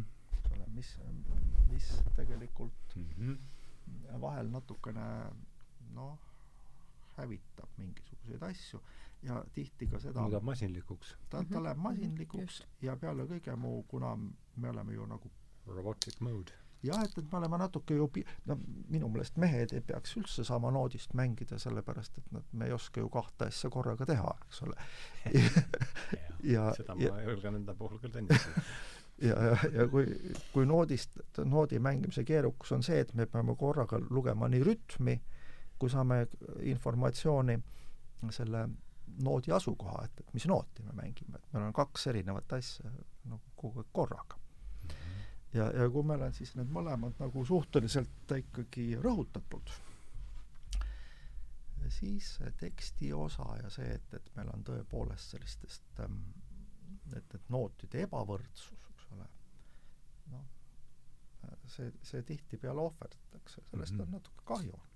kui me vaatame välja, aknast välja, näeme, et noh, sellised rohi kasvab, noh, see on rohkem selline kujutelme praegu lootus, et varsti, varsti on rohi, eks ole, praegu ja. ei ole veel, aga esimene, et kõik on nagu roheline, kõik on ühesugune, läheme, lähme välja, meil ei jää kahte ühesugust rohuliblet, nad on kõik erinevad mm. -hmm. ja, ja meil on tegelikult hea olla. Ja nüüd me läheme haiglasse, kus on ilus roheline põrandavaip maas, väga korrapärased ruudud ja meil nii hea millegipärast ei ole enam. eks ole, see on selline tehi-, tehislik, tehislik keskkond, kusjuures mm -hmm. noh, see on nagu täis, täiuslik mm. -hmm. eks ole, et, et selle täiuse püü-, püüdmisega nii nagu meie täiusest aru saame. jah, et me peame olema selle täiusega natuke ettevaatlik. jah, sellega ma olen küll väga nõus. jah. see haakub haakub selle laupäeval ilmuva lehe teemaga, milleks on totalitarism ahah, no nii. kuidagi ma adun seda, seda, seda vaibi seal all natukene, selle täiuse, täiuse ja täpsuse ja noh, see kõik see üks tsükkel, mhm. et mm -hmm. masin, meie masinpuritaanlus ja siis äh, ja, ja, ja, ja, ja, ja totalitarism, aga see oli lihtsalt kõrvalepõikeks. Aga mul meenus üks muusik, või tähendab, see oli dokumentaalfilm džässpianist Bill Evansist, mida miskipärast see mulle, ma vaatasin seda kordi ja kordi ja kordi ja kordi mingil eluajal ta mind Bill Evans on Creative Process and Self-Teaching või midagi sellist mm -hmm. omamata mm. -hmm. ja ta ütles seal sellise lause, et Bach oli džässpianist äh,. selles mõttes, et ma täpselt ei nii nagu, kuidas mida ta võis, ma küsisin niimoodi, see, see lause on mul enam-vähem meeles, et kuivõrd ei olnud tol ajal muusika, minu arust see lause oli there was no means to permanize music mm. -hmm. et ehk, et siis ei olnud muusika jääd-, jäädvustamise seadmeid ei olnud mm, -hmm. et seetõttu mm, -hmm. see ei olnud päris nii, aga umbes konstruktsioon oli see, et mm -hmm. kuivõrd seda ei olnud äh, seadmeid muusika tehniliseks jäädvustamiseks, siis oli Bach äh, džässpianist, et mida ta võis, mitte selles tähenduses, et me peame džässi, eks ole, New Orleans ja kogu see, aga mm -hmm. džäss kui äh, noh, mm, improvisatsioon no, siis eks no, pigem. ma siiksin ka sinna kanti tõenäoliselt. ja, ja muidugi ja ega ta ei väitnud, et ta on, Bach on New Orleanis pärit. ei, ei, ma, ma mõtlen ikkagi seesama nagu improvisatsiooni. jah, just, just, just. ja, ja nüüd no samamoodi, samamoodi, eks ole, mis on nagu mõlema võlu nii, nii džässi võlu kui varasem muusika võlu mm, -hmm. kui see viimane, kui, kui need on, kui juhul, kui need on hästi esitatud, eks ole, siis seesama, siis seesama nagu rütmiline, noh, tähendab, vana muusika, me, me räägime selle, me räägime pulsist või mm -hmm. me võime Taktu, rääkida taktus. ja ta on jah, taktus või tähendab, või noh, katsume ühist nimetajat leida, ütleme pulss selle pulss, kohta mm, -hmm. see on nii džässis kui Just. et, et see on väga terve see on samamoodi, et kui meil pulss, pulss kõigub, eks ole, siis, siis me peaks kiirabi kutsuma ja, ja kui muusikas pulss kõigub, noh, siis on muusika natuke haige. üldjuhul, et mm, -hmm. et mida, mida, mida tervem see on, aga selles, selle sees on hulga vabadust mm. -hmm. eks ole, et, et seesama asi jällegi, et reeglid loovad vabaduse ma ütleks, et seda võib isegi laiendada võib-olla rohkem äh, üldse tolle ajastu muusika peale, et ma arvan, et Bach võib-olla pani oma improvisatsioonid, nii-öelda improvisatsioonid äh, võib-olla rohkem kirja kui mõni tema kaasaegne helilooja mm. -hmm. jah, ja, ja samas suurem jagu tolleaegsed heliloojad ikkagi nad panid kirja just selle kondikava mm. -hmm, just, ja, ja mängijal oli väga palju äh, vabadust sellega siis midagi peale hakata, aga ei taha, tasub unustada, et tol ajal siiski helilooja ja mängija oli nagu ühes isikus. mis on jälle teine asi, mis võiks selle džässmuusikaga rohkem paralleele tuua. eks, et ise, ise kirjutan, ise mõtlen improvisatsiooni välja, eks ole, ja ise esitan see ei tähenda, et keegi teine tänapäeval ei, esitatakse teiste muusikat äh, palju, mhm. eks ole, ja me oleme, meil on see asi lahku läinud, eks ole, et kas, äh, et meie sinuga näiteks ei ole saanud komponistiharidust, eks ole, me oleme mhm. interpreedid, me oleme saanud ainult selle taasesitamise hariduse, aga tol ajal käis ühes, ühte jalga ja see, kes muusikuks ennast ette valmistas, tema õppis komponeerimist samamoodi, nagu ta õppis selle pilli või ka paljude pillide valdamist, tavaline oli ka osata paljusid pille mm. mitte ühte pilli. muidugi mõelda, et kas siis olid mingid täielikud imemehed, no ju, ju võib-olla noh, kindlasti osa kindlasti ka oli, aga teistpidi nad mängisid oma aja muusikat mm. -hmm. ja, ja, meie muidugi, kuna ja. see ei ole meie aja muusika ja see on äh,, traditsioon on katkenud, siis seda kaevamistööd tuleb muidugi rohkem teha, eks ole. traditsioon on katkenud, jah. ja, ja, ja teine asi on see, et aga mis selle traditsiooni katkestas siis? Aga äh, traditsioon katkeb äh, kohe, kui tekivad teised muusikalised ideed. ja, ja kui me vaatame, kuidas, kuidas on, kuidas muusika on aja jooksul muutunud, noh, me teame kõiki neid keskaeg, renessanss ja nii edasi, neid erinevaid ajastuid, ega muusika vabatahtlikult pole kunagi muutunud, et, et mm -hmm. Ühiskonnas on toimunud mingisugused muutused ja, ja muusika peegeldub neid. muidugi meile meeldiks tohutult teistpidi. või juhatab neid ka sisse, võib ka niimoodi mõelda või,. võib jah, et, et võib-olla on, jah, jah. aga jah, et, et pigem, pigem nii palju ja, ja loomulikult, kui me vaatame, siis, siis tihtipeale iga uus stiil eitab eelmist eks ole, mis on ka ju noh, see, see, see, see läheb vist ka muusikast kaugemale, eks ole, me saame leida. individuatsiooniprotsess. jah, et me saame kuidagi niimoodi ja, ja sellepärast on, on selge see, et, et, et tulevad nagu käärid sisse mm -hmm. kaunis kiiresti loen siin jälle, väga huvitav, et see vesteldes tulevad need muusika, kuivõrd ma olen need ikka mitu korda läbi lugenud, siis tulevad nad meelde.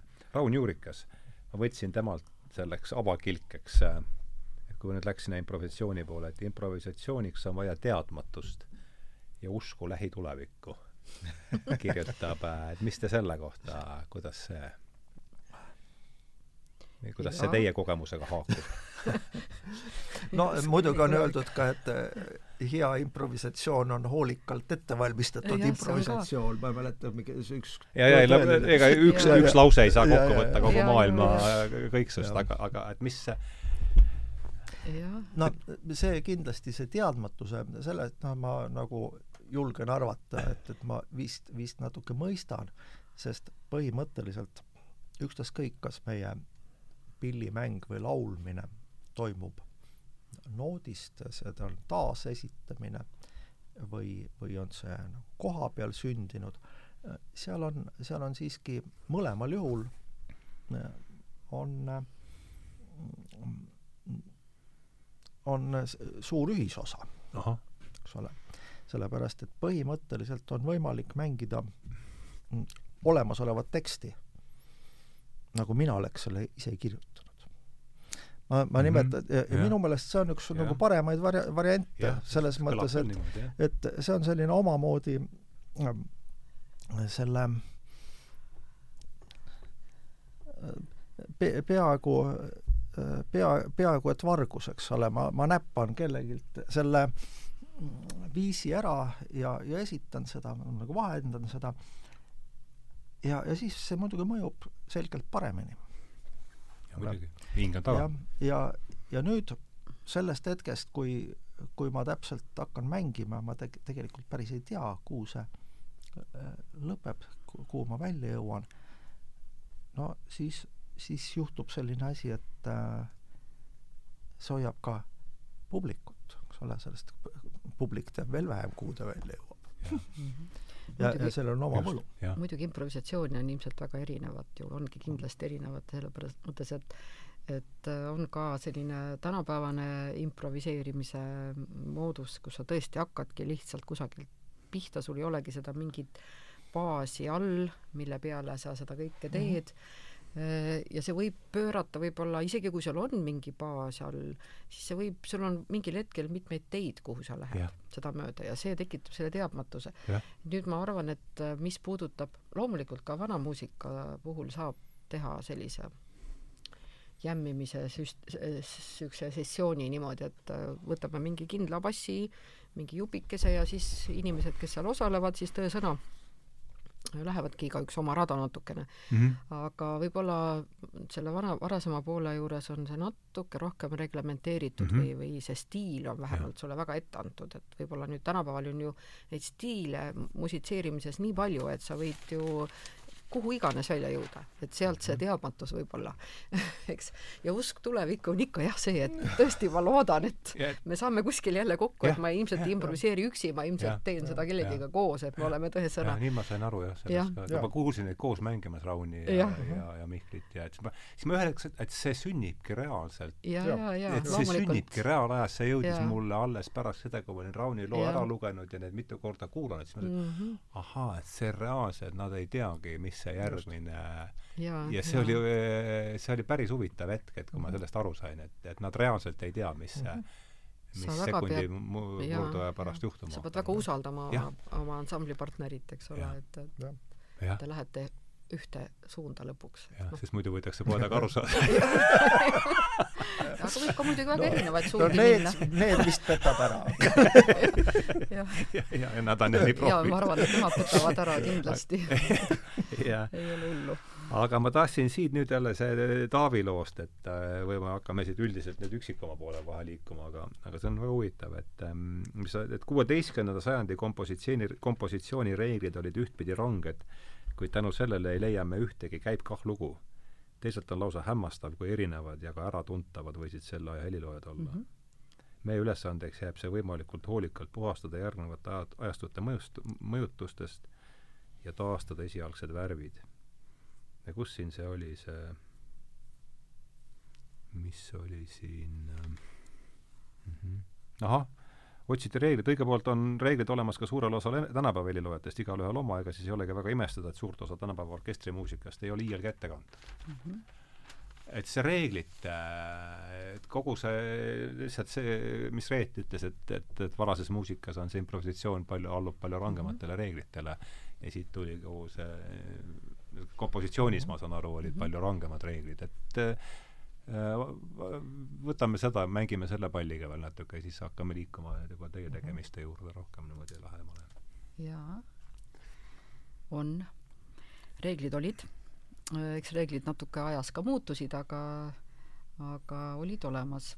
ja see, mis Taavi ütles seal oma äh, artiklis, et tõesõna, need, kõik on hea võtame selle kuueteistkümnenda sajandi muusika, siis mõtleme küll, et nii, mingid ranged reeglid ja, ja selle järgi isegi on võimalik äh, lausa nii kirjutada äh, ka tänapäeval sedasama, selles samas stiilis, et et kui sul on äh, isegi on niisugused tabelid olemas tollest ajast, et kui sul on juba kirjas vaat see ja see noot kahe hääle, kirjutati partiide kaupa, mitte niimoodi, et ülevalt alla panen selle akordi, eks ole, ütleme, vabandust, et mul on kolme- või neljahäälne lugu ja ma panen nüüd need noodid kõik üksteise all. vastupidi, kirjutati üks hääl valmis ja tema peale kirjutati teine hääl no,. niimoodi. ja no. nüüd just, ja siis oli ka, seal olid omad võimalused, et kui mul on siin juba kirjas see noot, mis võimalused mul on selle teise hääle kirjutamiseks, millised noodid ma võin sinna panna.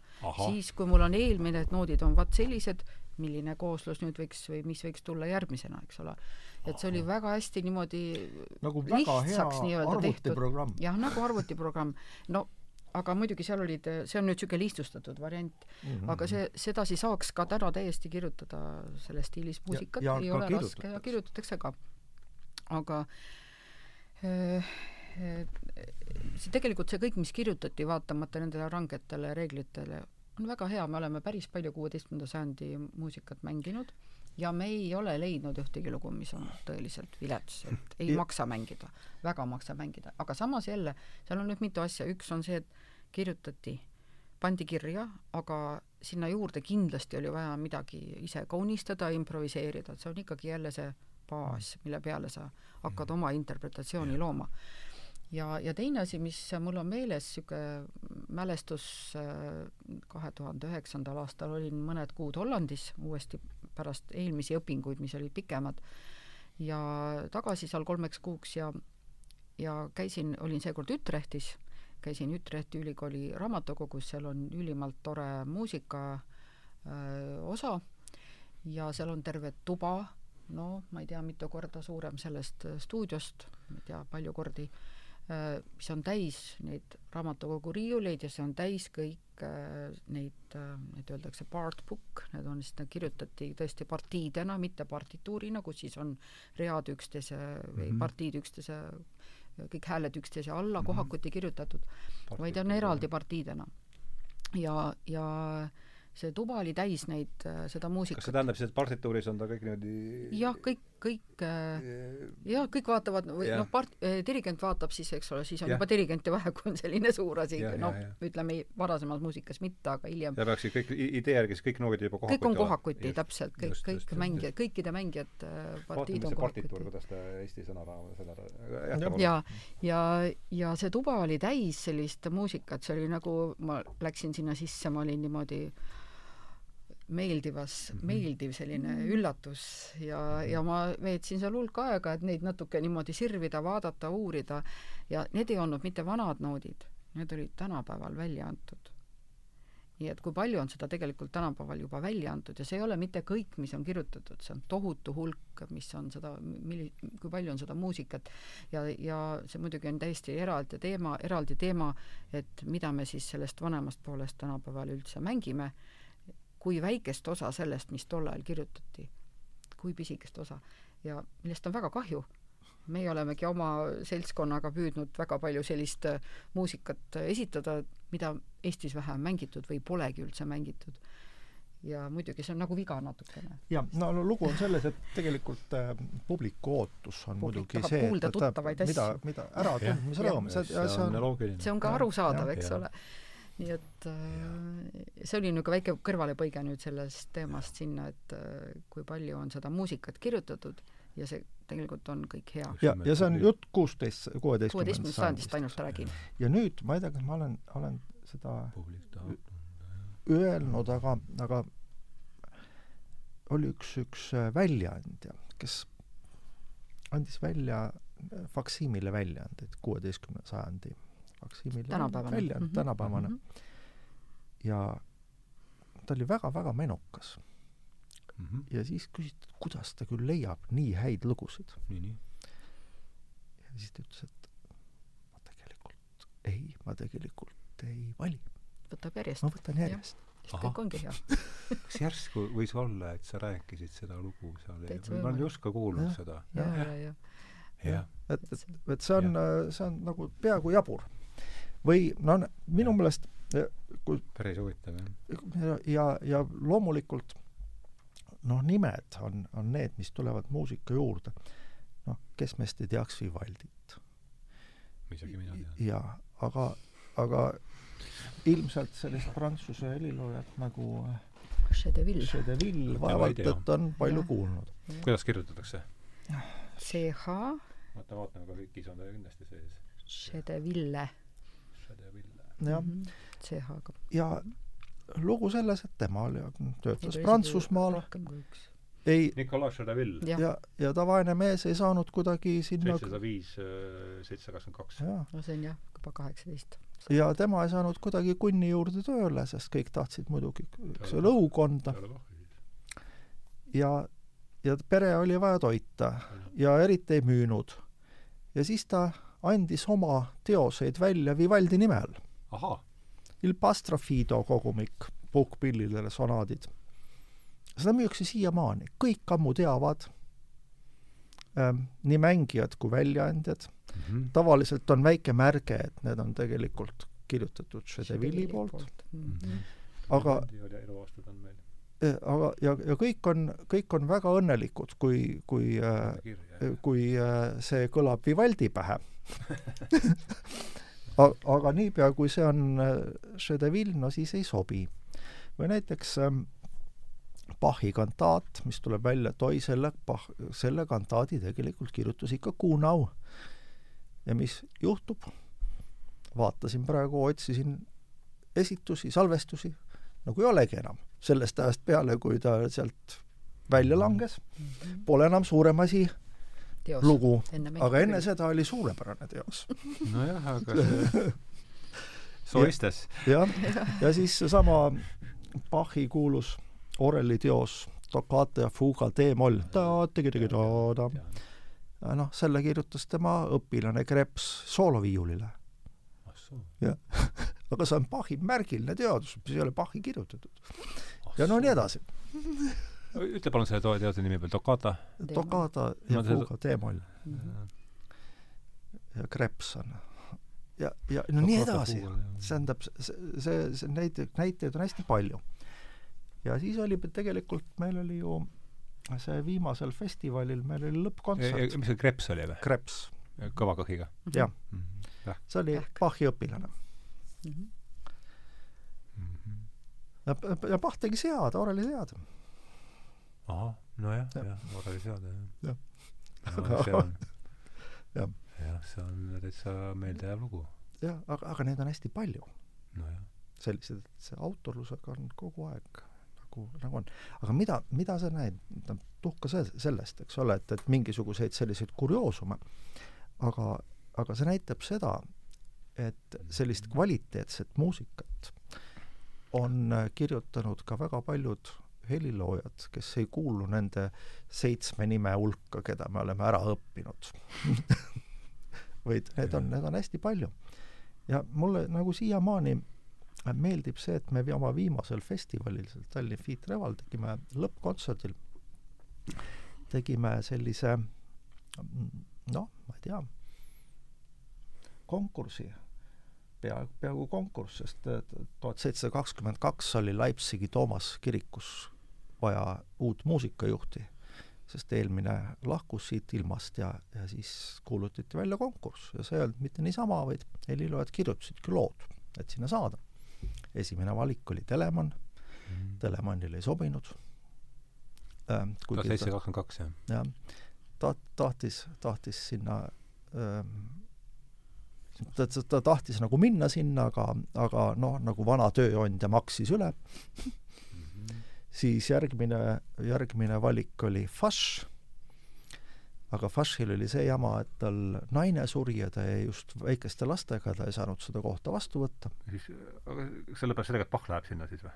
jaa, aga enne seda oli veel Graupner, kes mm -hmm. oli mhm. Darmstadtis, ta tahtis ka sealt ära, valetas oma tööandjale, tar-, sellele graafihärrale, et ta, ta läheb sugulastele külma, külla tegelikult -hmm. läks juba tööle, oli kaks nädalat koha peal mm. -hmm. Darmstadti krahv tuli kohale, ütles, et oot-oot, kus sa nüüd läksid, kes sul lubas, tule kohe tagasi, hea küll, ma maksan topelt.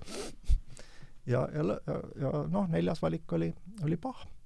ja nüüd me mängisime needsamad konk-, konkursitööd mis nad kirjutasid, kantaadid, kõik, kõik kirjutasid. ja, ja, sellepärast nad kõik, nad kirjutasid reaalsed, reaalsed äh, kantaadid sinna, et seda kohta saada aga me ei öelnud publikule, mida me mängime. ja et raadiokuulajad seda kus te mängisite seda? Mustpeade majas, Valges saalis. ja, ja siis, siis läks küll niimoodi, et publikule me ei öelnud, keda me mängime. ja nad said valida oma lemmiku. ahah, kes ja sai koha siis? ülekaalukalt äh, Graupner. Graupner, jah. jah, need, me lubasime seda, me ka teeme. kuidas see kirjutatakse? G-ga Graupner, täitsa nii nagu kuulda ja, ja, ja nüüd Kristof Graupner. ja see, seda ei tea paljud muusikud, sellist heliloojat. Graupner mm -hmm. nõrga G-ga? jah, G-ga, jah. nii? ei, tugeva B-ga. ahah. jah mm -hmm. ja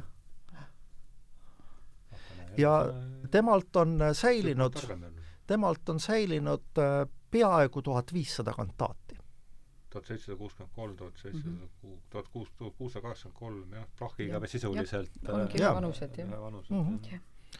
kaasaegsed tõesti mm. -hmm. väga huvitav.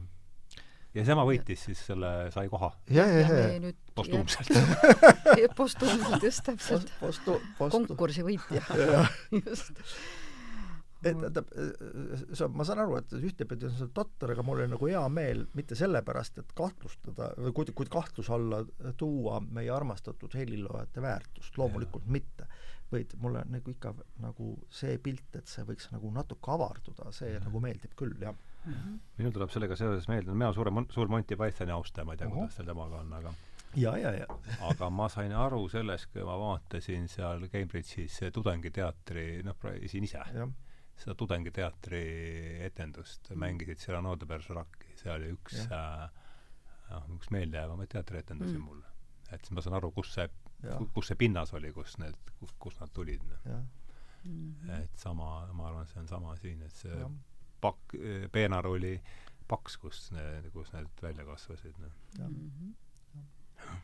aga rääkige nüüd sellest, et kuidas te ise siis äh, kuidas te enda muusikatee on kulgenud, et kuidas te sattusite üldse äh, kas oli kohe niimoodi otse vanamuusikasse või, või no mina peaaegu tulin, peaaegu mitte päris ka, aga hakkasin Viljandis peale pisikese tüdrukuna eh, pillimänguga muusikakoolis, nagu ikka lapsed lähevad muusikakooli. Õnneks mitte. ah soo, aga miks õnneks ehm,? see on huvitav. tegelikult ei teagi, võib-olla võib-olla ei, ei olegi see õnneks, võib-olla mm -hmm. oleks see no juhtinud jah, siis mõne teise vana muusikapilli juurde, ma ei tea. aga, aga lihtsalt äh, läks, läks kuidagi kogemata nii, et see pill, mis mulle kätte anti, pidin isegi hakkama tšellot mängima, millest ah, mul on natuke kahju isegi, mulle, mulle meeldivad need basspillid tegelikult. aga anti mulle hoopis sügisel kooli minnes kätte plokkflööt ahah, nii et kohe siis kohe plokkflööt.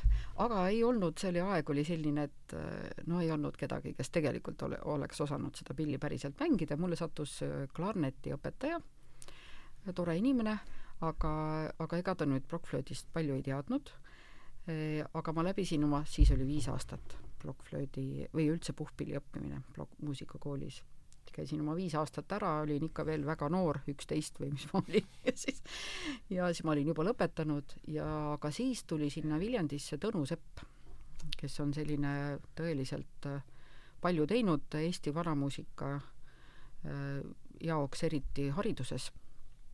ja no, muidu ka. ja, ja, ja, ja, ja tema äh, kohe hakkaski tegema vanamuusika ansamblit, ja pani meid mängima Aha. kõiki seal igasuguseid teisi pille, nii et need flöödilised ei ole olnud päris ainsad ja ma olen seal natuke üht kui teist muud ka proovinud, aga eks ikka jäid need, jäid need äh, plokkflöödid ja flöödid siis selleks põhipilliks. ja, ja sealt edasi, noh, siis me mängisimegi, seal oli Viljandi linnakapell, selline üks ka esimesi ansambleid. kõige vanem, kõige vanem äh, varase muusikaansambel Eestis on Viljandi linnakapell. jah. ah soo kõige varase, kõige, kõige ja. vanem varajase muusikaansambel Eestis on Viljandi linnakapell. mis see, mis ta asutamisaasta võib olla siis? kes seda teab, ma ei oska öelda praegu. Nad no. andsid raamatu välja alles. seal on no, kindlasti kõik häbi, väga täpselt häbi. kirjas, aga minul seda raamatut ei ole kahjuks no.. et, et ma ei, isegi ei tea praegu peast no. öelda, aga nad on tõesti kaua tegutsenud, nii et see oli kindlasti see koht, mis mind vanamuusika juurde suunas.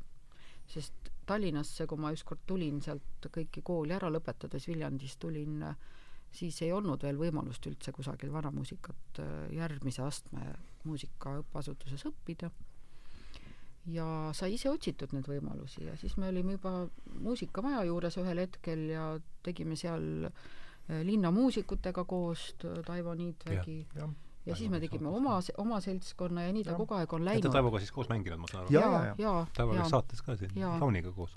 just, just. ja, ja siis hoopis käisime õppimas veel ise ja, ja, ja kõik see on niimoodi läinud ikka ainult vana muusika suunda mm. -hmm. aga Taavi, sinul? no mul selles mõttes täiesti teistpidi, et, et ma ei tea, ma olin viisteist, kuusteist, kogemata ma, ma komistasin plokkflöödi peale ja no siis sa juba oli muusikatega ei, ma üldse mitte midagi. tõsi ka? jah, ma olin äh, ma, ma käisin kahekümne esimeses keskkoolis ja pärast äh, noh, teises, noh, praeguses reaalkoolis mm. -hmm. ja gümnaasiumi läksid sinna või keskkooli siis või mm? -hmm. jah, ma jah, reaalkooli nagu praegu siis noh, gümnaasiumi jah ja, ja. Mm -hmm. osas. ja, ja siis oli niimoodi, et ma kuulasin ühte kontserti, mis mul läks naha vahele ahah ja mis see valis olla siis. See oli, see oli niimoodi, et ähm, Aago Rääts on, oli üks, üks noh, ma arvan, kõigi aegade võib-olla kõige andekam plokkflöödi mängija, kes Eestis on olnud, ta oli niimoodi, et ta lõpetas teie anune umbes või? No Peet- ta oli Peeter Pe- jah, Peetri nüüd, kes nüüd juustust. eh, suri, eks ole? Jah, jah, just, mõned jah, aastad jah. tagasi, jah. Peetri jah. pinginaaber oli. jah, jah just jah. just. Et äh, jah, noh, me tundsime päris hästi ja siis ma kuulasin tema kontserti Kadrioru lossis ja, ja ja see oli suurepärane. oli Kes- Ago Rääts või Aago, jah. Kahe Aago, kahe Aago. jah Mhm., Aago Rääts. vana Räätsa poeg siis ma vana Räätsa poeg, jah. ja, ja siis äh, tem-, tema organiseeris mulle õpetaja, siis ma hakkasin eratunnis käima Heino, Heino? Jürisalu juures, jah. Sul ei olnud klaverit ega mitte mitte midagi midagi. ma te, Vau. wow. nooti ei tundnud. lihtsalt vaatasin, et see on vahva asi. vau Jah.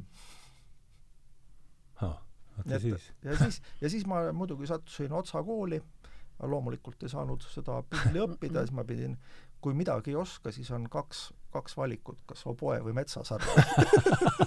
kaks kõige lihtsamat kõige, pilli. jätad mullegi võimaluse no kindlasti. jah. ja jah. ei no mis, mis mõttes võimaluse, see, see võimalus ei ole kuhugi kadunud.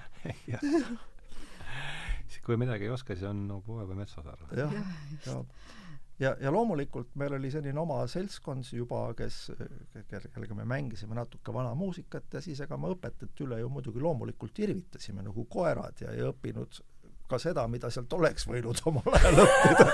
jah see tuleb haakub ka minu kogemusega tihti ja, ja siis noh, pärast siis pidi rohkem pingutama. jah see haakub ka oma kogemusega ärme sihukesed me oleme ja, just. ja, ja siis ta on niimoodi kuidagi läinud, jah. ja muusika vist tõi teid kokku ma kujutan ette jah. Jah. ja on koos hoidnud ju Jah. no ta siis aga kuidas see tuli ansambel Cantores Vagares mis on siis ju rändav rändavad Jah. äh, lauljad ma saan Jah. aru? Cantoras Vagantes, seal lugu on, oli väga lihtne, me olime, mängisime sellesama tuumikuga linnamuusikutes. Ja kes seal siis olid? Taivo teie?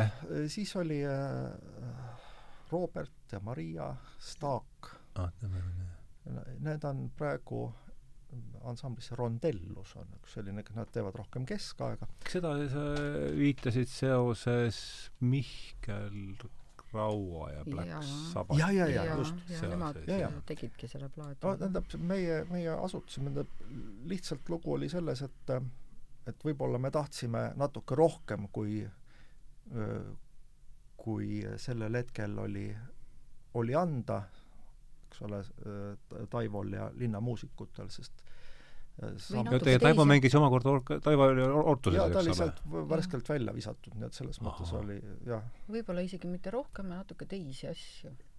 ja ma ütleks osaliselt ei, ka. mitte ka, mitte ka ainult ka teisi asju, seal oli mitu põhjust, tähendab sellepärast, et äh, põhimõtteliselt neil olid ju suhteliselt palju tähtsaid asju pooleli, eks No ole, kogu see VHK Jaa. asutamine ja kõik, kõik muud asjad, aga meie muidugi tahtsime pilli mängida, eks ole, sellel ajal rohkem kui, kui, kui midagi muud. nii et Ortuse muusikud, linnamuusikud, siis tuleb Cantores Vagantes ja siis on Rondellus kuidagi mingi siuke rida ei, me, me alustasime, me alustasime äh, Rondelluse mängijatega Ahah, koos, aga kuna meid Reedaga on Rondellus jah? Rondellus, aga kuna meid Reedaga tõmbas rohkem sinna seitseteist, kaheksateist sajandi ahah.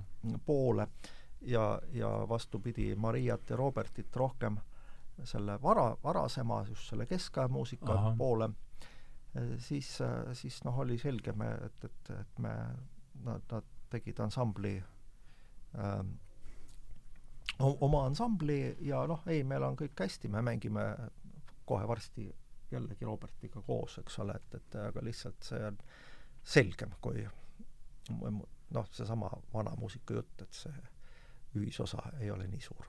ja, ja ja siis tuli Cantores Vagantes ja jah, aga eks see ole ka juba ammu. Te ütlesite tuhat üheksasada kaheksakümmend üheksa või? jah, Jah. Vau. jaa.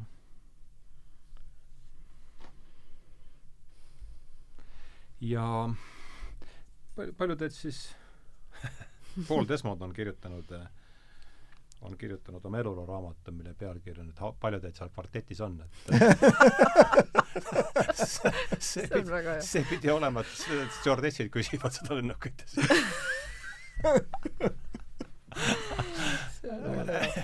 mulle ka meeldis et palju teid on siis seal selles äh, Oktetis. on, on teil oktett või? ei ole.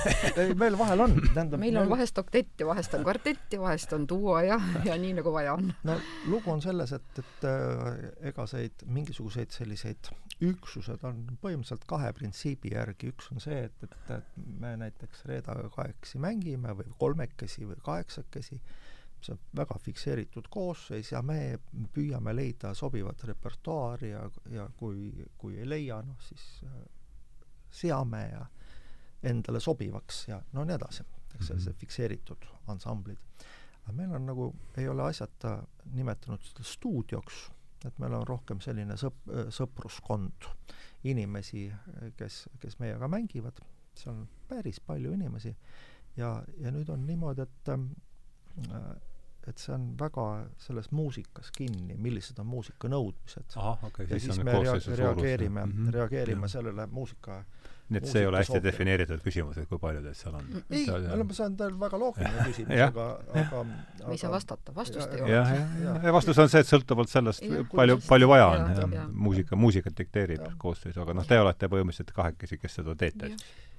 jah, tähendab, need on, no meil on näiteks Reinutiga ikka viimased rohkem kui kümme kümme aastat kindlasti on üks, üks meie mm Mhm. -hmm. vedureid, aga Mhm. aga noh, teisi ka ja no ütleme niimoodi, võtame siis, küsime niimoodi, et kui võtab niisugune rokkbänd, et seal on siis ütleme basskitarr, soolokitarr, mis seal Mhm. siis on, klahv ja, ja trummid, Mhm. eks, et Mhm. mismoodi, kas aga vahel Kas me- kutsutakse torud ka juurde, eks jaa, kutsutakse torud juurde, aga ütleme jah, et aga et kas, kas on varasest muusikast on ka võimalik midagi sellist, mingit sellist No. tüüppkoosseisu tuua välja või? on natuke ikka, kui äh, mõelda nüüd, millise ajastu, millise Jah, ajastu see on ju muusika on, täpselt, sest see varajane muusika Jah, on nii kohutavalt lai, eks ole. Aga kui me räägime kaheksateistkümnenda sajandi muusikast, seitseteist sajand muusika, eriti teine pool, siis äh, ikka on hea mingi harmooniapill. et tihtipeale klavessiin, aga ta võiks ka olla mingi orel, ei pea olema kirikorel, vastupidi, võib olla mingi väiksem ikka. aga mida tähendab harmooniapill? Äh, noh, see pill, mis nüüd äh, suudab tekitada jah, kus on palju ikka ja, klahve ja, ja, ja no see ka harf võiks olla harmooniapill või lauto ole. või teorb, jah, midagi sellist. aga kitarr? ka ka, ka kitarr, jaa. ahah, aga pasun ei ole enam? pasun ja et kõik pillid, mis suudavad korraga ainult ühte heli mängida, need ei ole harmooniapillid, jah. jah. et aga samas äh, nüüd, kui me mängime just varasemat seal renessansi aegset muusikat, siis me ei vaja seda klahvpilli. Just. Et siis me ajame läbi, me tekitame selle harmoonia äh, mitme pilli koosmängus. mitu inimest peavad selle harmoonia tekitama, eks ole, muidu nendes harmooniapillides saab üks inimene selle harmoonilise struktuuri tekitada. aga Jah. nüüd nende meloodiapillidega me tekitame ka selle, aga me tekitame Kamba peale selle koos. kamba peale koos, jah. nii et sõltub väga nüüd, mida mängida, et on küll jah, omad Mhm. Et siis, kui see harmooniapill seal seitsmeteistkümnenda, kaheksateistkümnenda sajandi muusikas on olemas, siis sinna juurde siis juba väga palju võimalusi, kes seal, see võib laulja ka olla või mitu lauljat, keelpillid, puhkpillid, variante on palju. teile tuli meelde Bob Dylanis tehtud üks dokumentaalfilm algab niimoodi, et, et äh, Scorsese tehtud minu arust või Scorsese produtseeritud, et ütleb, et esimene mingi puupilt, et ja Dylan ütleb esimene lause, mis oli niisugune, et loomulikult on, saab aega seisma panna, et selleks on äh, palju trikke. et ja mina tean oma kontserti kaks korda, kus ma olen, üks kord oli Kalle Rondalu kontserdil jäi aeg seisma Mhm. ja teine kord oli see mm, vene, mis ta, kas see on Vladimir Spivakov? ja, ja, ta Spivakovi kontserdil jäi ükskord jäi aeg seisma. kuidas teil on aja seiskamise, aja seiskamise, täiesti reaalselt selline tunne, et aeg äh, jääbki seisu? Ja no see on see, mida, mille poole me kõik nagu püüame. Tähendab, muidugi see on fiktsioon, eks ole, aeg läheb no edasi sõltuvalt sellest, mis ajast me räägime, eks, Jaa. persoonist või Newtonist või siin on, saab äh, jah, ja vähe, vähemalt me me mängime sellist mängu, et me oleme aja peremehed, vahel see Mhm. õnnestub vahel ei õnnestu. Aja me, peremehed me, on me mängime, täitsa me mängime ju kogu, konkureeri-, oih, me peame ju kogu aeg ajaga mängima, jaa just, aja, aja, ajastusega ja kui need asjad, mitmed erinevad asjad langevad kokku, siis võib ta jah, seisma jääda küll. ja vahel jääb ka nagu. see aja seisma jäämine võib ka ju olla tegelikult see, kui inimene tunneb saalis, et ta on kõik ära unustanud. Mis, mis mured tal on, mis tõenäoliselt seda jah, ka see võib olla üks asi, et see aeg jääb nagu korraks seisma, et ta tuleb sellest ajast välja, kus ta igapäevaselt on, sellest olukorrast, nendest, ma ei tea, probleemidest või ja on järsku täiesti uuel tasandil, Mhm. mõtleb, ei mõtlegi võib-olla üldse enam, saab mingi uue emotsiooni, jah, et see võib ka olla, et seda juhtub ikka palju, kogu aeg, ikka kui on vähegi õnnestunud kontsert, siis juhtub Jah. ka enda kontserdil, aga ku- kuulates. Ja selliseid kogemusi on küll. Et lähed Jah. kontserdile ja tegelikult sa unustadki kõik ära ja sa oled nagu täiesti teises dimensioonis sellel jah, hetkel. et saab sellise professionaalse kretinismi välja lülitada jah, ja et sa ei kuulagi Jah. muusikuna ju tihtipeale kuuled seda, mis seal nüüd tegi, ai, mis seal oli, sa ei kuulagi seda, sa võtadki seda üldist emotsiooni vastu ja kõik muu jääb kõrvale. seda ütleb Bill Evans selles samas filmis, millest ma siin äsja rääkisin, kus ta viitas sellele äh, Bachile, et see on päris alguses, sellega algab ka sellise monoloogiga pihta, et tead, muusik, professionaalne muusik peab kogu aeg võitlema, et saavutada seda süütust, mis äh, noh, kõrval saalis istujal on juba Mm -hmm. äh, loomulikult olemas, et äh, Ja, ja, ja. see oli minu Hmm. meelest päris äh, see on hea Jah., hea ütlemine päris ilusti, et mulle jäi see ka meelde ja see tõsi. jah. Aga see viib jällegi hoopis teist kanti pidi, nüüd tuleb jär-, sellest järgmisest lehest oli juttu, meil on seal väga-väga huvitav intervjuu ühe Briti teadvusfilosoofiga ja me räägime müstilistest kogemustest. me alustame, me läheme jõu peale, jõuame edasi. aga see aja seismajäämine, teised dimensioonid ja see noh, kuidagi viib sõnapaarile, mida tähendab teie jaoks ja müstiline kogemus, kui üldse seda mis, mis tuu om? jah. no see on, mängime selle palliga natuke no ju, ju see on, ju see on ikka mingi tunne, eks ole jah jah., jah, see on ikka, ikka mingisugune tunne ja, ja tihtipeale on, on asjad on, on olemas ja sellest hetkest, kui püüda see, seda nagu joonistada, siis tuleb välja, et ups, ei tulnud päris see, mis plaanis oli, eks ole. pilti nagu näen küll, aga paberil on mingi jama. Mhm. et, et selles mõttes ega seda väga, väga lihtne, väga lihtne mm, mm, öelda ei ole. et see müstiline kogemus, see on ju täitsa tavaline äh, sõnapaar, mida inimesed kasutavad, kui nad kusagilt nägi mingi erilise filmi või, või Jah. oli mingi sündmus, käib kontserdil või näitusel ja ta ütleb, et see oli müstiline kogemus. Jah. Et äh, vähemasti meelde jääb ta igal juhul, just, et see võib ju, see võib olla üsna selline tavapärane sõnapaar, mis võib-olla ei tähendagi alati nii eriliselt palju.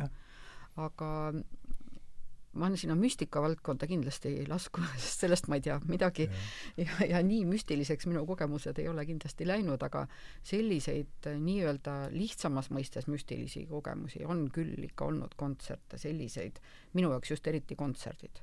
Kas siis enda kontsert või kuulaja-kuulajana? ka võib-olla enda En, nii enda kui kontsert? jaa, aga on ka ikkagi mõned kontserdid meeles, mida sa oled käinud kuulamas ja sa oled saanud niisuguse tõeliselt erilise kogemuse. võib müstiliseks kogemuseks nimetada. aga see nüüd ei ole seotud müstikaga. ja, ja, ei ma saan aru Aga- äh, aga ma mis, mis seal on seegi nagu- üldse, mis see üldse nagu- on, eks seal on. nagu nii palju tähendusi või, või Varjundeid nagu on seal, ja jah. varjundeid on palju. aga seda on küll jah. et just sa lähed ja, ja sa kuulad ja ja meil oli vaata enda ühel festivalil, esimesel festivalil minu endine õpetaja seesama Feed, Tallinn Feed River või? Jaa, jaa. just, see oli vist kaheksateistkümnendal aastal ja see, see kontsert oli küll selline müstiline kogemus Kadrioru lossis. minu õpetaja ei, Hollandis, kelle juures ma õppisin, ei ole Wilbert Haselts, et ei ole väga noor, nüüd ta hetkel on juba lõpetanud hiljuti mängimise seoses selle koroona keerukusega. ta enam ei mängi, aga, aga siis ta mängis viimaseid võimalusi. ja, ja ta, see oli Mida nüüd selline eriline kogemus, traversflööti, barokkflööt. barokkflööti ja, ja sa kuuled, et ka tema ansamblipartner mm, Jacques Och oli äh, klavessiinil siis selline äh,, nad on mõlemad mitte väga noored ja sa kuuled, et nad mängivad ja nad ei pea enam mitte midagi tõestama Jah. oma mänguga. tal on niisugune täielik küpsus, rahu ja mingi tohutu sügavus, mis on saabunud selginemine. väga-väga eriline kontsert, see oli nüüd küll väga müstiline kogemus, see on üks viimaseid. ja, ja see on veel noh, tohutu kombinatsioon sellest, mida sa ütlesid, sellest rahust ja sügavusest ja samas elurõõmust ja detailirikkusest, et Jaa, seal on nagu kõik jaa. see punt on nagu koos. mis see Tunned- rahu, sügavus, elurõõm ja detailirikkus? Jah. ja kõik see sinna kokku ja sellises väga positiivses äh, igatpidi väga positiivses ja emotsionaalselt ja väga, heas ja no ma pean, ma pean muidugi tunnistama, et, et me kutsusime need, need väga lugupeetud muusikud siia ja me ei olnud neid päriselt kontserdil. Võib-olla kümmekond aastat kuulnud. ja kui nad tulid, nad olid mõlemad nagu mehistunud ja ja, ja, ja siis oli ähm, Kadriorus lossis väike lava, selline umbes neljakümne sentimeetri kõrgune ja siis tuli välja, et tegelikult oleks ikka vaja vaheaste veel tekitada. ja siis me täpselt ei teadnud, mis nüüd tuleb. ja siis, kui esimesed noodid kõlasid, siis, siis äh, no me, me olime kuskil mujal kas täiesti. sa niimoodi või? jah Mhm. tä-, täiesti, see oli, see, see oli ühe juba esimeste jah, tä-, täiesti päris huvitav ikka, Ja- kuidas see käib, onju. jah Jah. ja nad on, need on, need on inimesed, kes on noh, ka eluaeg koos mänginud, teinud lugematu arv plaate ja nad lihtsalt polnud ka ammu, nad nagu nautisid seda. Neile meeldis see saal, neile meeldis see klavessiin, mis siin oli ähm, neil oli tore olla, neile meeldis see muusika. tähed olid soodsalt jah, paigas. kõik oli ja, ja seda ei saa kellelegi lubada, öelge, et, et, et tulge mm. -hmm. kontserdile, et see on no kontsertidega on enamasti niimoodi ega sa ei saa ette päriselt ei öelda, mis seal tulema hakkab. loomulikult on äh, ju interpreedid ja ansamblid, kelle tase on siiski noh, tavaline tase on nii kõrge, et sealt tuleb alati Teevad midagi head ja ja, asja. ja Ja, kunagi ja. ei saa halvasti minna. Aga see, kas sealt tuleb nüüd lihtsalt väga hea kontsert või sealt tuleb midagi väga erilist, seda sa ei tea kunagi Jah. ette. aga see on nagu võlu minu meelest selle äh, noh, elava kontserdi puhul, mida sa ju salvestusega kunagi ei saa salvestus on ühesugune, ma võtan ja kuulan seda Youtube'ist või mingilt helikandjalt äh, uuesti, see on täpselt samasugune, seal ei Mhm. muutu midagi. kuigi ma võin iga kuulamisega, kui on hea esitus, ikkagi leida jälle uusi ja uusi nüansse, mida ma esimesel korral tähele ei pannud. ise olen teistsugune. jah, jah, jah, ja lihtsalt sa ei märka korraga kõike, see on nii informatsioonirikas tegelikult Mhm. kõik. aga jah, elava muusika puhul see ei ole korratav. ja see on väga tore. jah. teadmatus. jah, muidugi vahel, no vahel see muidugi kriibib, tohutult kriibib, et see ei ole korras. jah, see on kahju, vahest on kahju. ja no ega kõik need sekundid, mis meil Jah. siin on, lähevad äh, viimad veel teadagi kuhu. jah, see võib meile on. teha pahaks küll kohati. jah. nii ta on, jah jah. aga teil on ju, mis on siis Cantores Vagantese lähiaja plaanid, mida, millega no Contoros Vagantesega on suhteliselt lihtne, meil on tulemas kolm kontserti kohe-kohe, need on nädalavahetusel äh, mitte Tallinnas, ei mängigi Tallinnas praegu. kus te mängite? hoopis Otepääl ja, ja eeloleval nädalavahetusel või? Tartus nüüd jah, Otepääl reedel Otepääl ja laupäeval oleme Tartus. ja nädal hiljem oleme Käinas hoopis, läheme saarele. ah nii? Jah. see on siis kakskümmend viis midagi või? kakskümmend kuus pühapäeval, 26, jah. jah. Nii et Mhm. täitsa oleme Ei, väljas. see on nagu hästi, hästi nagu meile vahva kava, see on üks, oli üks pime moosekant seitsmeteistkümnendast sajandist, Jakob van Eyck ja tema Jakob van Eyck. jah, Jah. E-Y-C-K, Mhm. no nagu see maalikunstnik Nagu just. jah, ja temalt on äh, säilinud täiesti fantastiline ähm, variatsioonide kogu. Ta pimeda moosekandina kuulas, kuulis kõikvõimalikke viise, mis sellel ajal populaarsed olid, korjas need oma väikese pilliga üles ja hakkas, hakkas mängima. ja ta lihtsalt mängis kirikuaias äh, seda väikese sellise plokkflöödiga Ütrechtis ja Ütrechti linnaisad panid tähele, et oot-oot-oot, see on ikka väga eriline asi ja määrasid talle õpilased. määrasid? määrasid õpilased, et eks ole. Ja, ja, siis, ja siis äh, need õpilased tema siis range kontrolli all kirjutasid kõik need viisid ja need variatsioonid üles. ja tema eluajal ilmus kolm korda äh, selline kogumik, Der Flauten Lusthof, see on flöödi rõõmuaed mm. -hmm. ja, ja noh, seal olid, äh, see temaatika läheb äh, koraalidest lorilauludeni. tähendab täiesti. aga noh, vahva on vaadata, kuidas need kõige-kõige tuntumad viisid, mis sellel ajal ringlesid, valatakse sellisesse varabaroki kastmesse mille ja kui sa räägid, et see valatakse varabaroki ka-, kastmesse, kas see tuleb, viib meid jälle nende helistike juurde siis kuidagi tagasi? ei, ei, seda võib-olla mitte, see on Aha. lihtsalt ähm, pigem sellest ähm,, sellest äh, nendest variatsioonidest, ta võtab ühe Need on nagu, nagu improvisatsioonid, eks ole, mis on tol ajal üles kirjutatud tegelikult siis ta võttis mingi tuntud, tuntud loo, ma ei tea, me võtame Aia, Aiaäärne tänavas ja, ja siis hakkame minema, eks ole. No mida praegu teevad, mis on praegu näiteks saksofonistide puhul suhteliselt tavaline, et nad võtavad võtavad mingi viisi ja see siis standardi ja hakkavad sealt ka ette olema, jah. eks ole, ja, ja nüüd ähm, noh, see kogumik on kõikidele plokkflööti mängijatele tohutult tähtis, eks ole aga, aga no sellepärast, et see on hästi ulatuslik kogum, see on õigupoolest ta oli pime sünnist saati ja, või?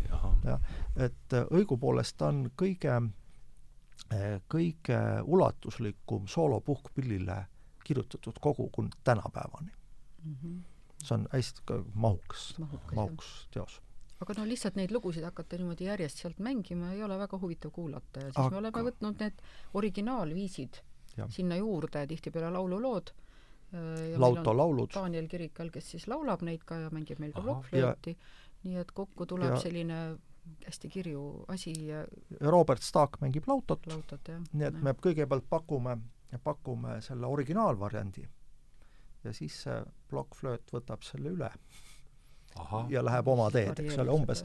ah niimoodi, jah? Mhm. väga huvitav. no see mõtteke on ikkagi seesama, et, et noh, need väga tuntud lood ei ole enam meile nii tuntud. no muidugi, jah. vähemalt siin Eestis kindlasti ja. mitte, jah. ja, ja, ja siis, siis on seda no nagu hoopis, hoopis huvitavam eh, ehk jälgida aga, aga tuhka see praegu selles mõttes, et see on, see on meie ansambli tegemisega, aga me kuidagi oleme vot sellest samast viimasest festivalist see Tallinn Fit Travel. jah, või õigemini kust see nimi üldse tuli? eks me tõenäoliselt rääkisime sellest äh, viis aastat tagasi ka, aga kuidas see no kuidas me, me kuidagi siduda seda vana, vana Tallinna yeah. ja, ja, ja kaasaegseid inimesi, seda, kus me praegu elame, et see tundus olevat, tundus olevat äh, sobilik mm. ma, ma olen muidugi pahandada ka saanud selle nime pärast, see on selge noh, et kuidagi, et ei ole nagu maakeeli, eks ole, päris, aga aga no eks ma olen natukene muidugi džässmuusikutelt ka ju näpanud, aga, aga ega see paralleel ei ole ka paha. sa, selles mõttes, et, et siin on ühisosa ma, ma ei saanud sellest aru praegu, kuidas ta džässile viitab. No džässmuusikud äh, seda feat kombinatsiooni kasutavad hästi oh, palju. ah oh,, see tuleb sealt, seda, seda ma ei lapa jah. no ja, ja siis ja. meil oli just jälle lõppkontsert seal orkestriga, see ja. oligi seesama, kus see võistlus oli, konkurss nii-öelda. mille võitis siis ma nüüd Kristav, Kristav Kraupner, kuussada kaheksakümmend kolm, tuhat seitse kuuskümmend. jaa, et, et selle, tema muusikast me lubasime teha järgmise festivali avakontserti ahah, selles mõttes oligi..., et siis selleks peaks ostma siis, see on ju pärjatud pärjatud heliloo. pärjatud heliloo, jah, just täpselt et, et nemad, tähendab, kuulaja sai reaalselt äh, mõjutada järgmise Järgmise festivali kava. nii et järgmise festivali Tallinn Free Travel avakontsert on siis Graupner? Graupneri muusikast, jah. ja, ja selle otsustas publik. jah, jaa aga no üle, üle nõnda pestis on selle barokkorkestriga küll nõnda, et esimene orkester sai alguse kolmkümmend kuus aastat tagasi. ja seesama Tallinna barokkorkester ja nüüd tuleb jällegi Taivo Niitvägi mängu, eks ole, et, et äh, Egmont Välja, Taivo Niitvägi ja siis oli üks äh, tohutult äh, suurepärane tšellomängija Ivan Moniketti, kes oli äh, Moskva, ta oli vist kahekümne ühe aastaselt juba Moskva mm. konservatooriumi professor ja väga, väga lahtilise sellise maailmavaatega ja, ja mängis ka vanamuusikat ja vot nende initsiatiivil siis tehti ka Tallinnas esimene barokkorkester ja tegelikult nad mm, tegid omal ajal, andsid ikka päris palju kontserte. tõsi, mitte väga Eestis, väljaspool küll, ja olid kaunikesti, kaunikesti tuntud. aga, aga noh, lõputult ei jõua kõike vedada, et eks neil jäi ka mingisugused sellised ähm, äh, periood sisse, kus väga, väga enam, väga aktiivne see tegevus ei olnud. ja kui me tegime, hakkasime festivali tegema, siis me loomulikult tahtsime ka orkestrimuusika, orkestriga midagi teha. aga Eestis on vist umbes võib-olla viis nimetust barokkorkestreid, muidugi see on fiktsioon, sest no mängijaid on umbes ühejagu aga, aga põhimõtteliselt, et see, kes nagu pileteid müüb, paneb enam-vähem oma nime ja siis selle loogika järgi ma oleks pidanud looma Cantores Vagantes barokkorkestri. aga ma seda laulu ei tahtnud kaasa laulda mm. -hmm. ja siis me püüdsime reanimeerida Tallinna, Tallinna barokkorkestrit ja, ja kutsusime üle-eelmine aasta äh, Tõnu Kaljuste appi ja ta tegi äh, Bachi, Bachi kantaate Filakoori ja Tallinna barokkorkestriga. ja tegelikult see tunne oli nagu väga-väga hea. ja, ja loomulikult tahtsime edasi teha. aga nüüd äh, eelmise aasta festivalis Tõnule need kuupäevad ei sobinud ja siis me rääkisime Andrew Lawrence Kingiga. see on üks harfi korüfee mm, -hmm. kes on mõned aastad tagasi asunud Tallinna elama. aa, nii? jah. ja Harfi Korofee. jah. ütle nimi palun veel. Andrew, Andrew. Lawrence mm -hmm. King, sidekriipsuga Lawrence King. ja no temaga on küll nõnda, et et kui mõelda nagu varase muusika liikumise peale, et, et meil on loomulikult on mingisugused tohutult suured ja tähtsad nimed ja neid ei ole väga palju enam järgi jäänud, eks ole, sellest ja, ja ma arvan, et et sellistest aktiivsetest, tõeliselt aktiivsetest ja elujõulistest mängijatest no Andrew Lawrence King on võib-olla maailmas kindlasti esi, esimese võib-olla viie nime äh, mis aasta see temal võib olla sündinud? ta peaks olema praegu kuuskümmend kolm. Mhm, mhm. kuuekümnenda ringis jah, nii et, et ta on, on täis elujõus. täiesti, täiesti selline just ja, ja muidugi see, mis ta siis selleks ajaks oli ka orkester kaunikesti täienenud noorte mängijatega, mis on nagu vahva, sellepärast et seal orkestris mängivad, mängisid koos inimesed, kes jah, kes on, kes on ähm, noh, päri, päris suurte kogemustega. ja ta elab Eestis? jah ja. oh.. just. ja, ja siis ta tegi fantastilise kontserdi seesama Bach, Graupner, Telemann meil nagu hästi sobis, talle meeldis see idee äh, ja kontsert läks hästi. ja peale kontserti oli nagu natukene tühi tunne, sest, sest kõik saavad aru, et noh, projekti korras paremaks palju ei lähe noh, see on see Eesti mure, kus kõik orkestrid, barokkorkestrid tegutsevad projektorkestritena. et ähm, et inimesed tulevad kokku, mängivad ja loomulikult kõik need orkestrid on pakkunud noh mm -hmm., publikule ilusaid momente. aga kui me tahame nagu kõige kõrgema mõõdupuuga mõõta mm, -hmm. siis me kõik saame aru, et tegelikult äh, oleks vaja seda teed edasi käia. aga siis hakkab selline asi, et, et aga meil ei ole rahastust, eks ole muidugi ei ole rahastust ja praegu rahastust küsida oleks nagu natukene ka avansi küsimine. sellepärast, et noh, see on tore küll. aga, aga see ei ole päris sama, mis, mis võib-olla need kõige, kõige eredamad nimed mm. -hmm. ja, ja siis me arutasime, mis võimalused on ja siis tuli Andrew Lawrence Kingi poolt pakkumine, mida, mis, mis on täiesti fantastiline. ta ütles, et aga hakkame lihtsalt mängima et tema on nõus töötama aasta otsa tasuta. teeme iga nädal proovi, iga kuu kontsert. jah. ja nüüd meil esimene kontsert on ära olnud.